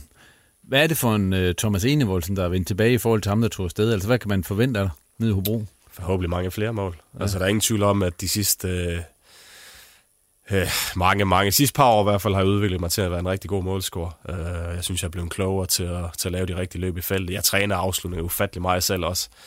Øh, så jeg ligesom ved i kampen, at jeg har den sikkerhed. Øh, og det viser også, også, som du siger, i første kamp, hvor at, øh, jeg ikke har spillet en kamp i seks måneder, men, øh, men stadig vidste, hvor målet stod, og, og nok også burde have lavet en enkelt mere. Øh, så nej, jeg udvikler mig til at være en rigtig god afslutter de sidste par år, så jeg håber, jeg kan, kan bidrage med en masse mål dernede. Har du sådan et personligt mål med, med opholdet i Hobro? Jamen, nu er det først og fremmest de fire måneder her, ikke? Øh, og, og jeg vil gøre alt, hvad jeg kan for at hjælpe Hobro til at, til at ligge allerbedst i forhold til forårssæsonen. Der er ingen tvivl om, efter de rynger ned, så, så er det en af de klubber, der gerne vil hurtigt tilbage i Superligaen. Og jeg synes også, når man ser på det hold, der er dernede, jeg synes, det er et virkelig spændende hold. Øh, det var ikke det Hobro, jeg husker fra dengang jeg selv spillede mod dem, hvor det måske var lidt mere betongdefensiv og lidt lang bold og sådan noget. Øh. Nu, nu spiller de altså virkelig noget fint offensiv fodbold, og jeg synes, der er rigtig mange gode spillere på det hold, så jeg er ikke i tvivl om, at det nok bliver rigtig godt efterår, og, og vi forhåbentlig er med helt frem, når, at, øh, når efterårssæsonen er spillet. Nu sagde du selv, at, at du ikke havde spillet i rigtig mange måneder, inden uh, du spillede mod, uh, det var Lysing, ikke? Jo. I vandet over. Hvor er du egentlig hen sådan formæssigt? Jeg kan vurdere for den kamp at spille en time nede i Silkeborg. Det har ikke været et problem for mig. Altså mod Lysing kunne jeg godt have spillet hele kampen, hvis det var uden problemer. Øh, og det er jo altid det, altså fysisk form er en rigtig, rigtig god form. Altså løbeform og styrke og alt det der, men det er bare, når jeg at komme i en fodboldform, ikke? hvor der er en masse uforudsigende ting, der sker inde på banen. Øh, berøringer, afslutninger. Jeg træner så, så godt jeg overhovedet kunne med en personlig træner. Vi har også været på banen og trænet en masse afslutninger, så i hvert fald den del, den sidder der. Så jeg synes egentlig, jeg står rigtig fornuftig, og indtil videre har det ikke været hårdt for mig at komme i gang, selvom det har været så lang tid, hvor, at, øh, hvor jeg ligger stille fodboldmæssigt. Nu øh, står den så på Bro det næste, de næste måneder her. Hvad er planen så? Er det, at jeg skal tilbage til USA, eller, eller hvad? Ja, det er det som udgangspunkt. Ja. Altså, jeg har kontrakt for 21 Morons County også, og det er også deres plan, de gerne vil have mig tilbage. De har brugt sig lidt over, de mangler nogle mål i øjeblikket, så, så det, det tror jeg gerne, de vil. Men man ved jo ikke, hvordan verden ser ud til den tid. Det har jo været et underligt år for alle, og de fleste planer er blevet vendt op og ned på. Øhm, så vi håber selvfølgelig, at øh, verden ser bedre ud til den tid, og vi kan rejse tilbage. Det, det er i hvert fald vores plan. Dengang du tog afsted til USA, der udtalte du, kunne så i dit interview med dig, drømmen det var Studio OB. Er det stadigvæk det? Eller, eller, det? ja, det er det der. Altså, ja. Selvfølgelig har jeg en alder nu, som øh, OB måske ikke kigger den vej. Øh, men man kan sige, selvom jeg er 33, så er en fysisk fantastisk form. Øh, 7-9-13, så har jeg ikke misset en kamp, siden, øh, siden jeg faktisk stoppede i OB. Jeg har spillet kamp, samtlige kampe siden, og det viser jo bare, selvom jeg har den alder, jeg har nu, så, så kan jeg stadig spille og træne stort set hver gang. Øh, så hvis jeg gør det godt i Hobro her efter, og gør det rigtig godt næste år, så må vi se til den tid, men øh, altså, det bliver nok bare ved drøm. Vi må se, Thomas, hvad der sker. Men Bo, vi skal videre til dig, og øh, Jammerbugt FC. Mm. Ja. Det er jo startet øh, bedre, end jeg kan huske de sidste mange år. Er det ikke det? Jo, jo. Det, det, det, to sejre ud af, ud af to mulige og masser af mål. Det er vel en glad cheftræner. Jamen, så også til med også har vundet i pokalen her til aften. Jamen, vi har været meget tilfredse med 2020. Altså, vi plejer, I runde 1 plejer vi aldrig at komme ret uh, godt afsted, enten en 1-1 eller en 0-0. Uh, men vi er kommet godt afsted i hele 2020, og øh, har ikke, øh, har ikke tabt en, øh, en turneringskamp i, øh, endnu, og var anden bedste hold i oprykningsspillet, og det har vi, det har vi fortsat med ind i både træningskampen, vi taber godt nok 1-0 til Vendsyssel, hvilket var... Øh, øh, ikke var et øh, retvisende billede af den øh, fodboldkamp faktisk. Der skulle vi have haft øh, point med, det havde vi fortjent på, på den dag. Men, men øh, starten, hvor det så gælder, har været øh, fantastisk. Vi starter i en premiere, som jeg sagde til drengene bagefter. Det har jeg prøvet rigtig, rigtig mange gange at være alle vil bare så meget i en premiere, men, men det, det lykkes sjældent. Men vi vinder 2-0 øh, knusende sikkert, og, og kommer videre til en øh, rigtig svær udbanekamp mod de formodede øh, oprykningsfavoritter. Øh, og jeg vil ikke sige, skiller dem af i, i første halvleg, men skaber en 5-6 chancer, holder dem væk og fører 4-0 ved halvleg. Det er svært at være sådan decideret øh, utilfreds med. Man kan altid finde noget, som jeg sagde til dem pausen. Øh, og det gjorde vi også, men, men vi vinder dernede 5-3, og man kan så, så er det jo, når man møder andre nordjyder, så, så øh, er det jo altid de tre mål, man hænger sig ved. Men, men vi vandt øh, og fik tre point i middelfart, som var nogen ikke alle vil få i løbet af en hel sæson, og var fantastisk boost for vores øh, trup. Øh, så det betød, og er helt vildt godkendt, og så vinder vi også i dag, og det er bare vigtigt at, at vinde fodboldkampe, for det, det er... Det holder humøret højt, og spillerne er rigtig glade for det, fordi for hvis skal vidste, at dobbeltkant eller trippelkant, de laver en eller anden aftale med mig, som jeg ikke helt kan huske, hvad jeg indebærer efterhånden, men det er kant, der, når de vinder. Så, så truppen er glad, øh, og vi har masser af selvtillid, og, og ser frem mod den næste svær udbanekamp med masser af selvtillid, og det er jo det, det giver. Det giver selvtillid og glade spillere, og det, det betyder helt vildt meget. I har mistet lidt spillere, der er kommet nogle nye til, og sådan er det jo altid. Men hvad for et J- eller Javerbugt hold er det, vi ser den her sæson? Jamen, det, det er en trup med, øh, med kvalitet på... Øh, altså, der er to til, to til hver plads, og dem, vi har fået ind... Øh, vi har sendt uh, Sander Hyltoft til, til Vendsyssel og, og Emil, uh, vores målmand, og der har vi så fået et stort talent ind i Markus Bundgaard ude for OB, som uh, har startet rigtig, rigtig godt og resten vi så har fået ind i, øh, ind i truppen har været... Øh, øh, vi har fået en venstre bak øh, fra, fra Brabant, der spillede fast. Vi har fået to fra Vejgaard, Storvang og Mathias øh, Mortensen, der har spillet fast øh, deres anden division. Så havde vi en, der hedder Isam Salomon, der er kommet fra Hillerød, der skulle læse kandidat herop til. Vi har fået, øh, som har spillet samtlige øh, kampe for dem. Vi har fået en færing ind, der har spillet i den øh, bedste række. Øh, og så har vi igen hentet fire op for egen, øh, egen avl. Så vi har fået... Øh, vi har fået noget kvalitet ind i, øh, i, i, i truppen i forhold til at have spillet fast, og give en større konkurrence. Så det er ikke, vi skifter også tre mand efter at vinde den første kamp, det er jo sådan lidt unormalt i, i forhold til, og det kan vi også risikere at skal gøre indtil søndag. Men det er bare den konkurrence, der gør, at, at, at tingene kan også godt blive afgjort til træning i forhold til, hvem der ser skarpest ud. Så det giver, og så giver det en tryghed i forhold til skade, og så, og så er der også lidt corona i det. Altså bliver man, man ved jo ikke, om man bliver ramt af det der. Øh, og mangler man lige pludselig to spillere, så er det rart at have en, en bredere, øh, bredere trup i forhold til det, men det giver også bedre træning. Så det, vi, var for, vi var for smal i foråret med kun 17 markspillere, så er man altså tæt på at være, så er man for langt ned, øh, vil jeg sige. Så det har også været et, øh, også været et argument for, at vi har gået ud og hente lidt mere til, øh, til truppen. Hvis du sådan sad og var en Nordic Bet Liga-klub eller en Superliga-klub, og sådan så på, på jeres kampe, hvem du så egentlig have på blokken? Jamen, jeg vil faktisk have en hel del, men, men, men de er ikke ude at se os ret tit, desværre, så, så det, det, det er lidt underligt nogle gange. Men I havde Max, der havde prøvetræning i Viborg? ja, Mads. Ja, Mads, ja, undskyld. Ja, men vi har også Max. Øh, ja. ja, men, Mads Larsen. Det, Mads Larsen var dernede. Ja. Jeg tror, de så har en på venstre bakke lige nu, men de har set ham an og vil, vil følge ham. Men, men det er, øh, og har været i et periode øh, anden divisions øh, bedste venstre bak. Så det kan stadigvæk undre, at han ikke er, er blevet, øh, blevet hentet. Det er en af dem, men vi har jo mange, der også vil kunne spille i Nordic Battle League ligegyldigt om alle. Altså vores anfører Christian Ry er jo en formidabel fodboldspiller, så han kunne sagtens spille i Nordic Battle League. Vi har mange erfarne, der, der vil kunne det. Uh, vi har også mange unge uh, talenter, så vi har et rigtig, rigtig uh, stærkt hold. Uh, men det kan, uh, og det har jeg sagt mange gange, det kan undre, at, at scouten i, i Danmark, den er den er knap så god på, på anden division, og også i forhold til første division, i, i forhold til, til Superliga. Det er, når man er økonomisk ramt, man, man, går, man går den vej. Men der er mange dygtige øh, spillere, som er godt skolet øh, med, med fine kompetencer. Altså man kan tage Jens Dage, var vel ikke helt skudt ved siden af, han har spillet i Brabant. Øh, AGF kunne ikke bruge ham i ungdomsafdelingen, så kom han til Brabant og, og blomstrede. Han blev der solgt for 20 millioner, så helt... Og dem er der mange af, øh, synes jeg, man kan hive frem efterhånden. Øh, så, så der er noget at hente der, så er det det, jeg synes, der er argumentet for at hente mange af dem her, nogen kan se Sander Hyltoft, som jeg tror bliver fastmand for Vendsyssel, øh, og kan blive en øh, vigtig del, det er, at det er billigere spillere. Det er ikke øh, spillere, der har brug for ret meget tilvænding. Øh, de ser det som det fedeste i hele verden, og de, altså det er virkelig, altså at få en fuldtidskontrakt, man kan bare se det i øjnene og hjælpe nogle af dem med at komme videre op os, det, det øh, lover jeg dem hver gang, at jeg gerne vil hjælpe dem med at finde det rigtige sted, og sørge for, at de bare får en nogenlunde kontrakt, uden at blive... Øh, Øh, altså, så de kommer fint videre, og man kan bare se det i øjnene, at de glæder sig som små børn, at de er villige til at gøre alverdens ting. Øh, og derfor kan det nogle gange være smart at hente nogen, der er lidt billigere i forhold til at skal hente de, øh, ja, hente Thomas Enevoldsen. Han er jo ikke nede i det. Øh, altså, men, men det er jo det, det giver plads til nogle profiler. Og sådan skal man jo også mingelere med budgettet, om man, man sidder i Jambugt, eller man sidder i en, i en større klub. Så derfor kan det undre mig en, øh, en gang imellem, at det ikke er bredt, og det er ikke noget med, med OB at gøre, der har en anden talent. Men der er andre klubber i, i, i Danmark, der ikke har den øh, mulighed. Som, det undrer mig bare. Hvis du ser på dig selv, Bo, du skal i gang med den fjerde sæson op i Amerbugt FC i den her omgang. Mm. Hvordan synes du ligesom, de her tre år, der så er gået, hvordan har I rykket jer som hold, og hvad er du sådan ligesom...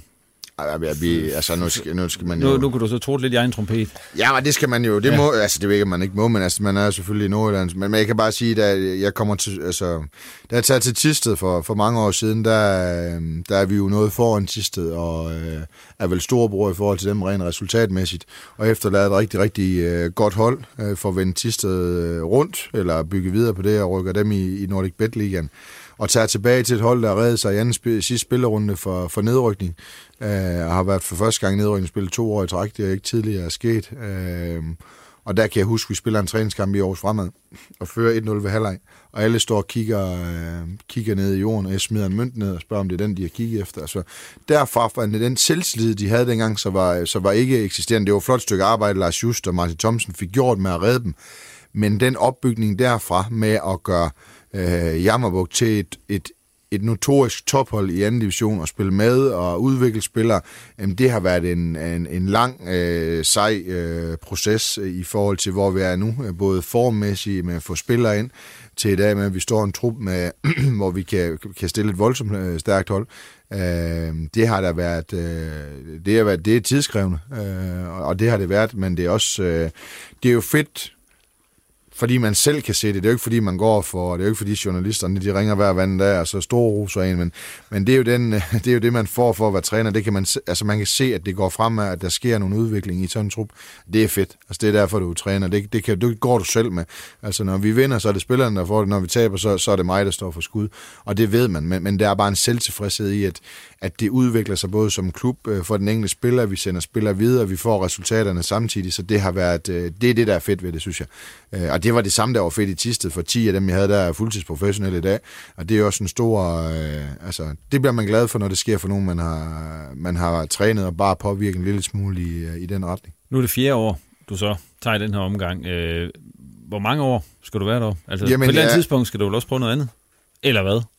Ja, det, det er et godt spørgsmål. Altså, hvis, hvis der er- Jeg kan huske, at jeg sad herinde jo. Ja, det kan jeg også godt Og huske. der blev jeg jo så kaldt ind til chefens kontor dagen efter, for jeg skulle lige forklare mig omkring det OB der. Øh, Og der blev jeg vist spurgt om, hvis OB kom, så det vil jeg ikke svare på. Nej. Jeg vil bare sige, at, at jeg har et rigtig, rigtig godt job, og det har jeg haft i rigtig, rigtig mange år øh, ved øh, tidligere Sandistål, og vi blev solgt til Tip Nord, så kan jeg lave lidt reklame for Skandinaviens største stålgrossist øh, der. Um, og det er jeg rigtig glad for, og jeg er glad for at være cheftræner i Ambugt, og jeg er glad for at være der, fordi det er der, jeg bor, og det, det fylder rigtig, rigtig meget. Uh, men det er klart, at jeg har da en drøm om at prøve det af på et eller andet tidspunkt, men, men nu er begge knægte også...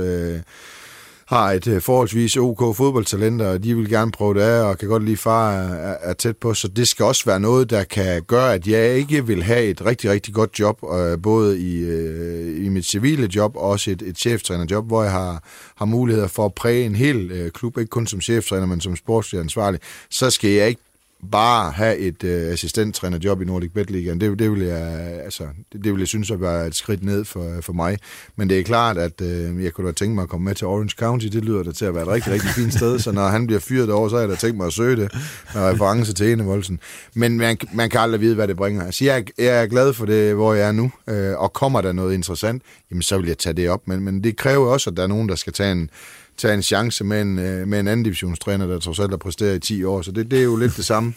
Øh, at hvis det sker, så sker det. Det går jeg sgu ikke at tænke over, hvad det er. Det er, blevet for, øh, det er ved at blive for, blevet for gammel til, vil jeg sige. Jeg er glad øh, for alle de arbejdsopgaver, jeg har øh, i klubben. Øh, og ser frem til at, at flytte øh, klubben øh, endnu mere stolt af, at det er jo den mindst befolkningsklub, der, der ligger i anden division, eller i divisionerne, med kun øh, en 5-6.000 mennesker, så ligger vi altså bliver nogle gange talt op til at være det, øh, til oprykningsfavoritter. Det er jeg sgu faktisk stolt over, at, at man kan være en del af, af det. Hvis vi så lige ser på anden division, som du lige selv var inde på her, hvor I jo bliver nogle gange nævnt som oprykningsfavoritter, så er Vejgaard er jo rykket ud, som jeg også tidligere var inde på. Og udover det, så er der ikke, øh, så er der ikke et eneste Aalborg-hold i anden division. Og I er faktisk, hvis vi ser bort fra Tisted, det eneste anden divisionshold i, i regionen. Kan du godt savne, at der var et Aalborg-hold, eller et, et eller to øh, hvad hedder det, anden divisionshold mere hop, eller er det også fint nok for jer, det I er alene hop, eller hvordan ser du på den situation, der ligesom er skabt, og her må I andre også godt spille ind, hvis der er? Jamen, der er flere ting i det, kan man sige. At det er selvfølgelig træls at skal kalde et, et, et lokalopgør mod Tisted med 85 km mellem hver, at det er et lokalopgør. Det griner det lidt af, når vi er til divisionsmøder med de andre klubber på Sjælland, for eksempel. Øh, det, der vel, det der jo er, er, for eksempel vi kan tage Vejgaard, som har været der sidst, det er jo, at der har forskellen trods alt været mellem klubberne, så at, at vi har jo set nogle spillere spille i anden division, og dermed måske kunne tage dem øh, derfra, når vi har følt, at de har været klar. For eksempel, vi har hentet to nu. Øh, ulempen, det er så, når man, når man er storbror og lillebror øh, forhold, så, så er det svært at spille de lokale opgør sådan rent pointmæssigt, så bliver det altid, det bliver altid noget råd. Øh, og det er vi ikke kommet, der har vi kun spillet uafgjort. Så, så der er nogle ulemper ved, ved det, fordi de nulstiller de kampe, fordi de andre er så parat. Hobro OB, øh, OB Vendsyssel, ikke? Det, er lidt, øh, det er lidt det samme, selvom øh, Storbo-fordelen var, var kæmpestor og favorit, og man bør vinde. Det er bare ikke sådan, fodbold er.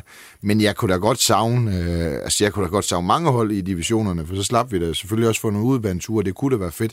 Så er i tvivl om Nordjylland kan, kan bære det øh, i forhold til talentmassen, der bliver udklækket øh, herop, sådan totalt set. Så skal vi i hvert fald have endnu flere klubber med øh, i det. Men jeg kunne da godt savne, at der var... Øh, at, at der var, fordi dengang Hobro var der, øh, så var Jørgen der, og vi var der. Altså, det var der nogle, øh, det var der nogle øh, rigtig, rigtig sjove kampe, men der var ikke belæg en økonomisk for det dengang. Det var, det var fordi nogen lige tog en, tror jeg, en chance, og så strøg op, at de, de er der, hvor de er i dag. Så, så der kan måske være en klub mere i Aalborg, men, men jeg tror heller ikke, der kan være mange flere end, end et par stykker i, øh, i Nordland tæt på hinanden. Nej, men det er vel også et udtryk for, at det godt nok er Nordjylland et stort område, og Aalborg er en stor by, men, men så mange talenter er der så heller ikke blevet klækket ud, apropos det med, at OB vil, vil udvide og, og, kan man sige, optimere deres akademi. Fordi hvis der var det, så vil der jo også være til, at, at ligesom i Aarhus, hvor man har Brabrand og Lystrup og alle de her hold, som, som traditionelt set har haft en 2, 3, 4 hold, i, i divisionerne under AGF. Det kan man sige, når man ikke har haft det i Aalborg, for det kan man sige, Chang, øh, Freja, KFM, et af de hold, Nørre Sundby, de burde jo de burde være gode nok til at være anden division, hvis der var talenter nok, fordi så, så, så er det jo ikke nok, at der bare er, er jammerbugt til, til at tage dem. Øh, så, så det er vel også et udtryk for, at, at der mangler et eller andet der på, på talentområdet, siden at man ikke har kunne, kunne samle nok til at lave et, et, et, et andet Aalborg-hold i Ja, og, og så... Øh så er det, det, er jo, det er jo hårdt at være talent i dag og ikke at komme igennem, for det er jo 6-7 træninger om ugen øh, i de der store klubber der, og, og hvis man føler lidt, altså, at det er et nederlag, hvis man ikke kommer hele vejen igennem det der nåløg, og så kan en drøm godt være, være brast, og så kommer man måske op til et andet divisionshold i Jambugt, hvor der faktisk står en Bardek, der har været på fuldtidskontrakt i OB. Christian Ry har også set at spille første division. Øh, at der er mange, Lyngø har også været på... Altså, der er mange, der har prøvet noget. Så, så nogle gange, så tror jeg også, at de, de måske tror, at de kan bade sig ind. Det er bare ikke så let at komme op på et andet divisionshold, der er fyldt med, øh, med, med profiler. Det er ikke så let, og, og så taber vi dem faktisk lidt hurtigt i, uh, i det. Så man kan håbe, at, at uh, Vejgaards Danmarksserien og Sundbys uh, Danmarksserien, der er også Seby Sæby i Danmarksserien, og der er flere rigtig gode Jyllandshold i, i, eller i Aalborg, der kan være med til at samle dem her op, og på den måde komme op. Men, men det er bare det er stort spring for, at de accepterer, at de vil spille på det niveau, øh, selvom de måske har det niveau, fordi at de har trænet i OB lige under Superligaen. Og så er det jo altså en strøm, øh, og så kan der være altså langt til at tage ud og spille for et Danmarks hold eller et andet divisionshold i, øh, i Jammerbugt og, og, og tage den kamp op, fordi der er så mange træninger. Der er der altså sket meget i forhold til, hvor mange vi får op i forhold til Øh, gamle dage, der, der røg der helt vildt mange igennem i forhold til nu. Og der havde du altså også Lindholm, du havde Sundby, du havde øh, øh, Chang, øh, og du havde også Jetsmark, du havde mange flere dengang. Og det var fordi, at man beholdt mange af de spillere, der kom igennem det system øh, dengang. Det, og det har bare ændret sig. Og det kan der være mange forklaringer på, men det har bare ændret sig, at hvis OB har 19 i en 19 ligatrup, så er der ikke 19, der spiller to år senere på minimum Danmarks niveau. Nej, altså, der, tror du ret at der er mange, der, der, der ser det som et nederlag, og dermed i virkeligheden ender med at smide fodbolden helt væk, i stedet for at gå et skridt ned på, på Jyllandsserien eller, eller Danmarksserien, at, at så, så, så tænker man hellere, det var ikke det, jeg skal videre i livet. Ja, og det er den investering, der man, man træner jo mange flere gange. Altså, øh, da jeg var U19, altså jeg spillede trods alt med Per Krøllup, han nåede der trods alt et eller andet sted jo, eller, og der var mange gårdsøger, dem var i Åby, vi var i Chang, det var faktisk to rigtig, rigtig gode ungdomsafdelinger. Øh, men vi træner kun 3-4 gange om ugen. Og de træner bare rigtig, rigtig mange gange i, i dag, og så det er en kæmpe investering, både som familie og, og som ungdomsspiller. Så kan man også godt forstå, at man måske taber pusten, og så ender på, og det er ikke forklaring, ender på et C2, 3, 4 niveau, og så hygger man sig. For det, for det er jo de afsavn, man også har, har, har taget, det er bare en skam, fordi man kan godt øh, af omvej, altså øh, Thomas, der står her, han havde, kan jeg da huske en historie, hans far fortalte mig, der var der heller ikke lige grøn skov, da han spillede U17, øh, og en tur ned til træneren spørger, hvad han skulle, og så gik han med sit styrkerum, og så du kan se, hvor han står han i dag med en fantastisk karriere. Det er jo også en omvej, og det er bare synd, at der ikke er flere, der kan se omvejene i det, fordi selvfølgelig er det træls, at man ikke kommer på ved Superliga, men der kan jo være andre måder at komme øh, til FC Midtjylland, eller Horsens, eller Sønderjysk, og få en fantastisk fodboldkarriere. Og det, det, er, lidt en, øh, det er lidt en skam, øh, at det ikke sker øh, mere. Øh, men det er jo så et spørgsmål, hvor meget mere man vil investere, fordi de har jo investeret meget for U13-årgangen øh, og, og frem. Kan du ikke genkende det der, Thomas? Altså, ja, det kan det, det godt. Det er sjovt, når der snakker jeg faktisk med en nede i Hobro, en spiller om det i dag, ikke? Hvor, ja. hvor hurtigt det egentlig kan gå i fodbold, og du siger det selv på min egen karriere, så inden jeg slog igennem i OB, der, der solgte vi jo, var det Vensnes og, og Wirtz, der røg ikke, og der var to huller på midtbanen, der var så to, der spillede foran mig. Uh, de var så ude med skader og noget sygdom, tror jeg, så var der to nye, der var inde at spille. Og vil sige, jeg var lige pludselig nummer 5 på det tidspunkt. Og så tog jeg en snak med min far, som egentlig var min rådgiver dengang, og sagde, prøv hvis det er sådan, det er nu, altså det er mit andet år som senior, så skal jeg ud og spille. Altså blandt andet måske jammer på at komme op og spille. Et eller andet bare, ikke?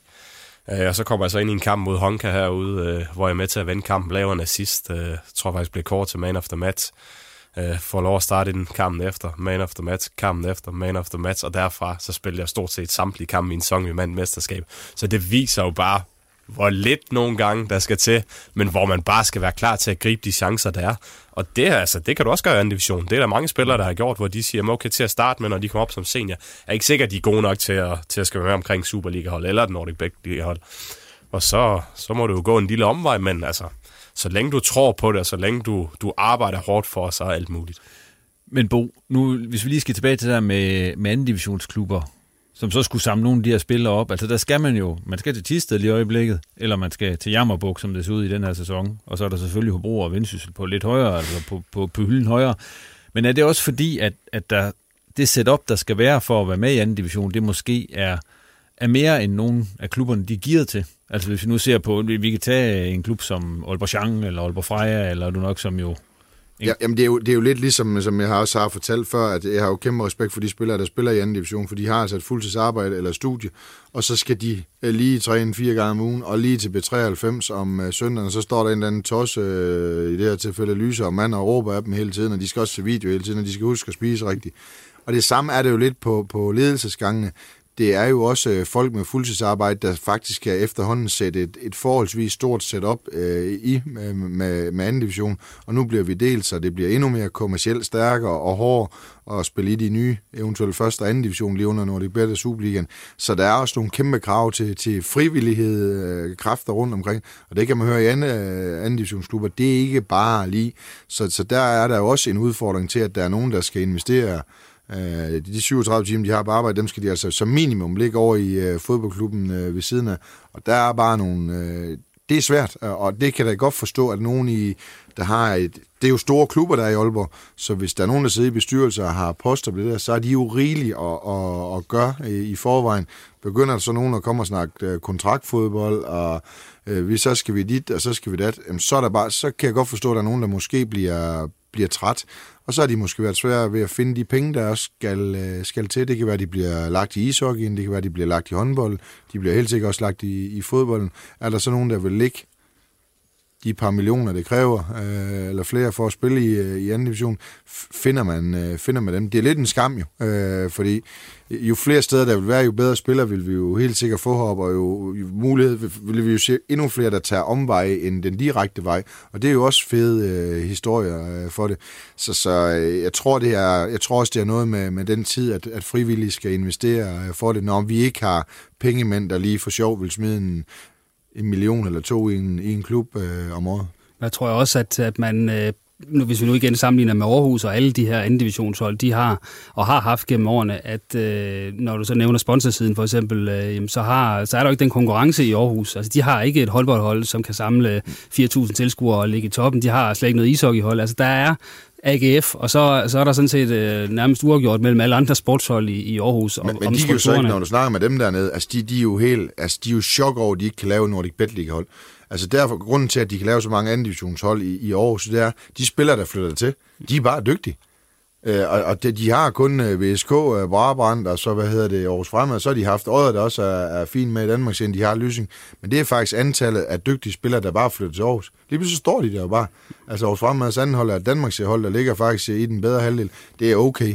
Øh, og nogle af de spillere, det er altså nogle, øh, der vil godt kunne begå sig på anden divisionshold øh, rundt omkring. Så det er bare, de er jo heldige Altså, det er jo ikke fordi... Øh, Nej, det er studiebyen, der trækker. Det er ikke fordi, de er dygtige til lige at få dem til Aarhus. Det er studierne, der trækker dertil, ligesom det er over i København. Det, vi har været heldige med for studiemæssigt, det er, at vi får ikke så mange fraflytninger, som vi tidligere har gjort. Men dem, der kommer ude fra mindre samfund dernede omkring, de, de kommer jo til Aarhus, og der er altså rigtig, rigtig mange dygtige spillere. Og, og havde vi det samme held, øh, i anførselstegn, jamen så vil vi se mange flere anden divisionshold. Vi vil måske også se et Nordic Bet Liga hold øh, mere øh, heroppe. Så der er de heldige, men de er jo ikke dygtige nok i Aarhus til at skaffe Nordic Bet Liga holdet, for det kunne man jo anklage Aarhus for at sige, det er, det er faktisk ikke godt nok, at de ikke har et Nordic Bet League hold. De kan jo ikke engang skaffe økonomi til et Nordic Bet League hold. De har jo ikke andet end AGF dernede. Øh, så det, det kan man også sige, det er jo lidt underligt, fordi de bruger, det er klart, når du ligger i en stor by, og afstanden er kort til træning, så koster spillerne bare det mindre på de her niveauer. Øh, så, så det er lidt, det er lidt underligt med, med, med Aarhus. Øh, Odense kan, kan vel ikke fremvise et specielt godt anden divisionshold heller. Altså, øh, så, så de er jo også presset. De har jo kun OB, så ved jeg godt, de har øh, hvad hedder det, håndboldholdet, men de er jo vel pengemæssigt baseret på en, en enkelt mand, der ligger rigtig mange af, af pengene der. Øh, men jeg tror, det hænger sammen med, at vi ikke har nok penge i Aalborg-området, plus at det kræver rigtig, rigtig meget frivilligt. Og, og der er der også et skred i det, i det danske samfund omkring, øh, om hvor meget tid man vil øh, bruge på det. Vi lukker den her, og vi er tiden den er fløjet afsted, så vi skal have en omgang tårhylder. Sidste punkt på, på dagsordenen her. Nu fik jeg ikke engang snakket om de faciliteter. Det Nej, men det gør vi en anden gang. Dårligt, gør... hvis jeg skal sige, nej. Jeg ja, men det gør vi næste gang, du er på. Ja. Det vil, du, det vil du give en positiv tårhylder, dine faciliteter deroppe på.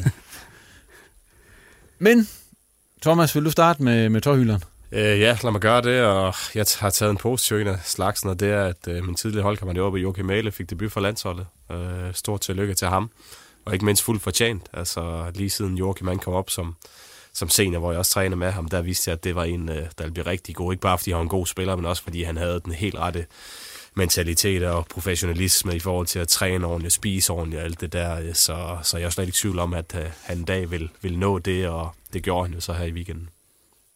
Videre dig, Claus? Ja, jeg kan huske en af de første kampe, jeg så ham over i Lyngby, hvor han øh, var vanvittig frem af banen, og også kostede et mål i den anden ende, men, men der, der tænker jeg jo, det er, det er en spiller, der kamikaze-agtig kom ind i, i Superligaen, øh, hvor man ikke rigtig havde hørt så meget til ham, og så bragede han bare igennem, og det må man også sige, at øh, det har han fortsat med lige siden, så øh, jeg tænker heller ikke, at, øh, at han bliver ved med at spille i, i Belgien. Øh, måske kommer til en, en liga højere meget snart. Men jeg bliver nødt til at give min tøjhylder, som er en af de, de stive, dårlige, øh, til Hobro, fordi øh, de har jo fejlet på sådan den administrative side endnu en gang. Øh, Christian Kappis, øh, der var ikke styr på hans øh, arbejdstilladelse, øh, og det betyder faktisk lige nu, at han risikerer at skal, skal ryge helt ud af landet, og, og i værste fald også ikke spille for Hobro i, i det her efterår. Det er skidt, men det er selvfølgelig ekstra skidt, når man så tænker tilbage på de andre sager, der har været. Adam Tambora, det var så spilletilladelsen, der så gjorde, at man øh, faktisk tabte en kamp øh, mod AGF, som man ellers havde vundet øh, på skrivebordet. Og derfor så var der faktisk også en situation, da man rykker op i Superligaen med Quincy Antipas, hvor arbejdstilladelsen ikke var på plads. Og det er sådan øh, tre sager nu, hvor man tænker, det, det er bare ikke godt nok. Det, der må efterhånden være styr på de to elementer, men det er der så åbenbart ikke helt alligevel. Så det fortjener en tårhylder. Og videre til Bosink, Jamen, jeg har været i tvivl, for jeg sidder lige hvad for en, jeg skal vælge, og jeg skal huske at nævne Søren Reza, han er kommet til Polen, for ellers så bliver Olsen meget, meget skuffet over mig. Den statistik bliver, den, den tager jeg så ikke. Men det bliver lidt, øh, og det kunne også godt faktisk være OB's akademi, men jeg vil faktisk tage en lidt negativ. Nu har vi været med i pokalturneringen, og så overværer man jo øh, pokallodtrækning. Og i min verden, så burde pokallodtrækningen jo være for os mindre hold, som vil deltage i en turnering, vi ikke kan vinde, hvis vi skal være lidt øh, grove ved os selv. Så bør det jo være øh, de lokalopgørendes holdeplads, og det lyder selvfølgelig lidt underligt, når jeg har lige har mødt Vejgaard, men at vi kan trække øh, middelfart i runde 2, øh, og Superliga-holdene må ikke trække hinanden, og er det Nordic Bet Liga-holdene, det vil jeg heller ikke huske, om de må ikke trække hinanden. Altså så gør man det lidt, altså jeg, jeg, jeg savner lidt mere geografi i, i de her pokallodtrækninger, så Hobro kommer en tur til, til Jammerbugt, eller øh, whatever, hvor de kom hen. Altså, at, at man får de kampe, hvor der er rigtig, rigtig mange penge i det for de små klubber. De store klubber har kortere øh, rejsetid. Der er måske et, et, en overraskelse mere. Det, det savner jeg lidt i, i det pokale fodbold, for det, det nytter ikke noget, at Superliga-holdene ikke må trække hinanden. Det er jo en underlig regel. Altså, så må anden divisionshold jo heller ikke trække hinanden. Jeg synes bare, jeg savner lidt mere lokale ting i, i, i pokalturneringen. Øh, det håber jeg, det er noget, der kan blive lavet om på, fordi det er det, man gerne vil se. Altså, der, tror ikke, der er mange, der er interesseret i at se middelfart i, i, øh, i Jammerbugt, eller for den sags skyld havde det været omvendt, så havde det været bedre, at de har trukket en Utopia, eller hvad de hedder nede på, på Fyn. Der savner jeg lidt... Øh, så må man godt blande korten lidt tættere. det gør ikke noget, at, at den ene kugle er lidt varmere end den anden, så man kan mærke forskel. Men man kunne i hvert fald lave det geografisk, så der var lidt kortere, så et, et hold for Middelfart ikke skal transportere sig en 3-4 timer en, øh, en tirsdag aften til, til Jammerbugt. Og dem ser man bare flere og flere af, det synes jeg lidt en, øh, det synes jeg faktisk lidt en skam, for det er vel det, der er charmen med, at, at øh, nogle af de små hold får de, øh, får de store, tætte, kendte hold i, øh, i området, så man har mulighed for at lave en lille mønt på det. Det er derfor, vi er med i, så det kan jeg godt, øh, det kan godt være lidt træt af. Ja, med de tårhyler, der lukker vi ned for riposten denne gang. Tak til gæsterne for, at de kom, og til dig for at lytte med. Og kunne du lide det, du hørte, så abonner og del meget gerne. Og hvis du ikke allerede gør det, så må du også meget gerne følge riposten på Facebook eller Twitter. Vi er tilbage igen om et par uger. På genhør. Du har lyttet til en podcast fra Nordjyske Medier.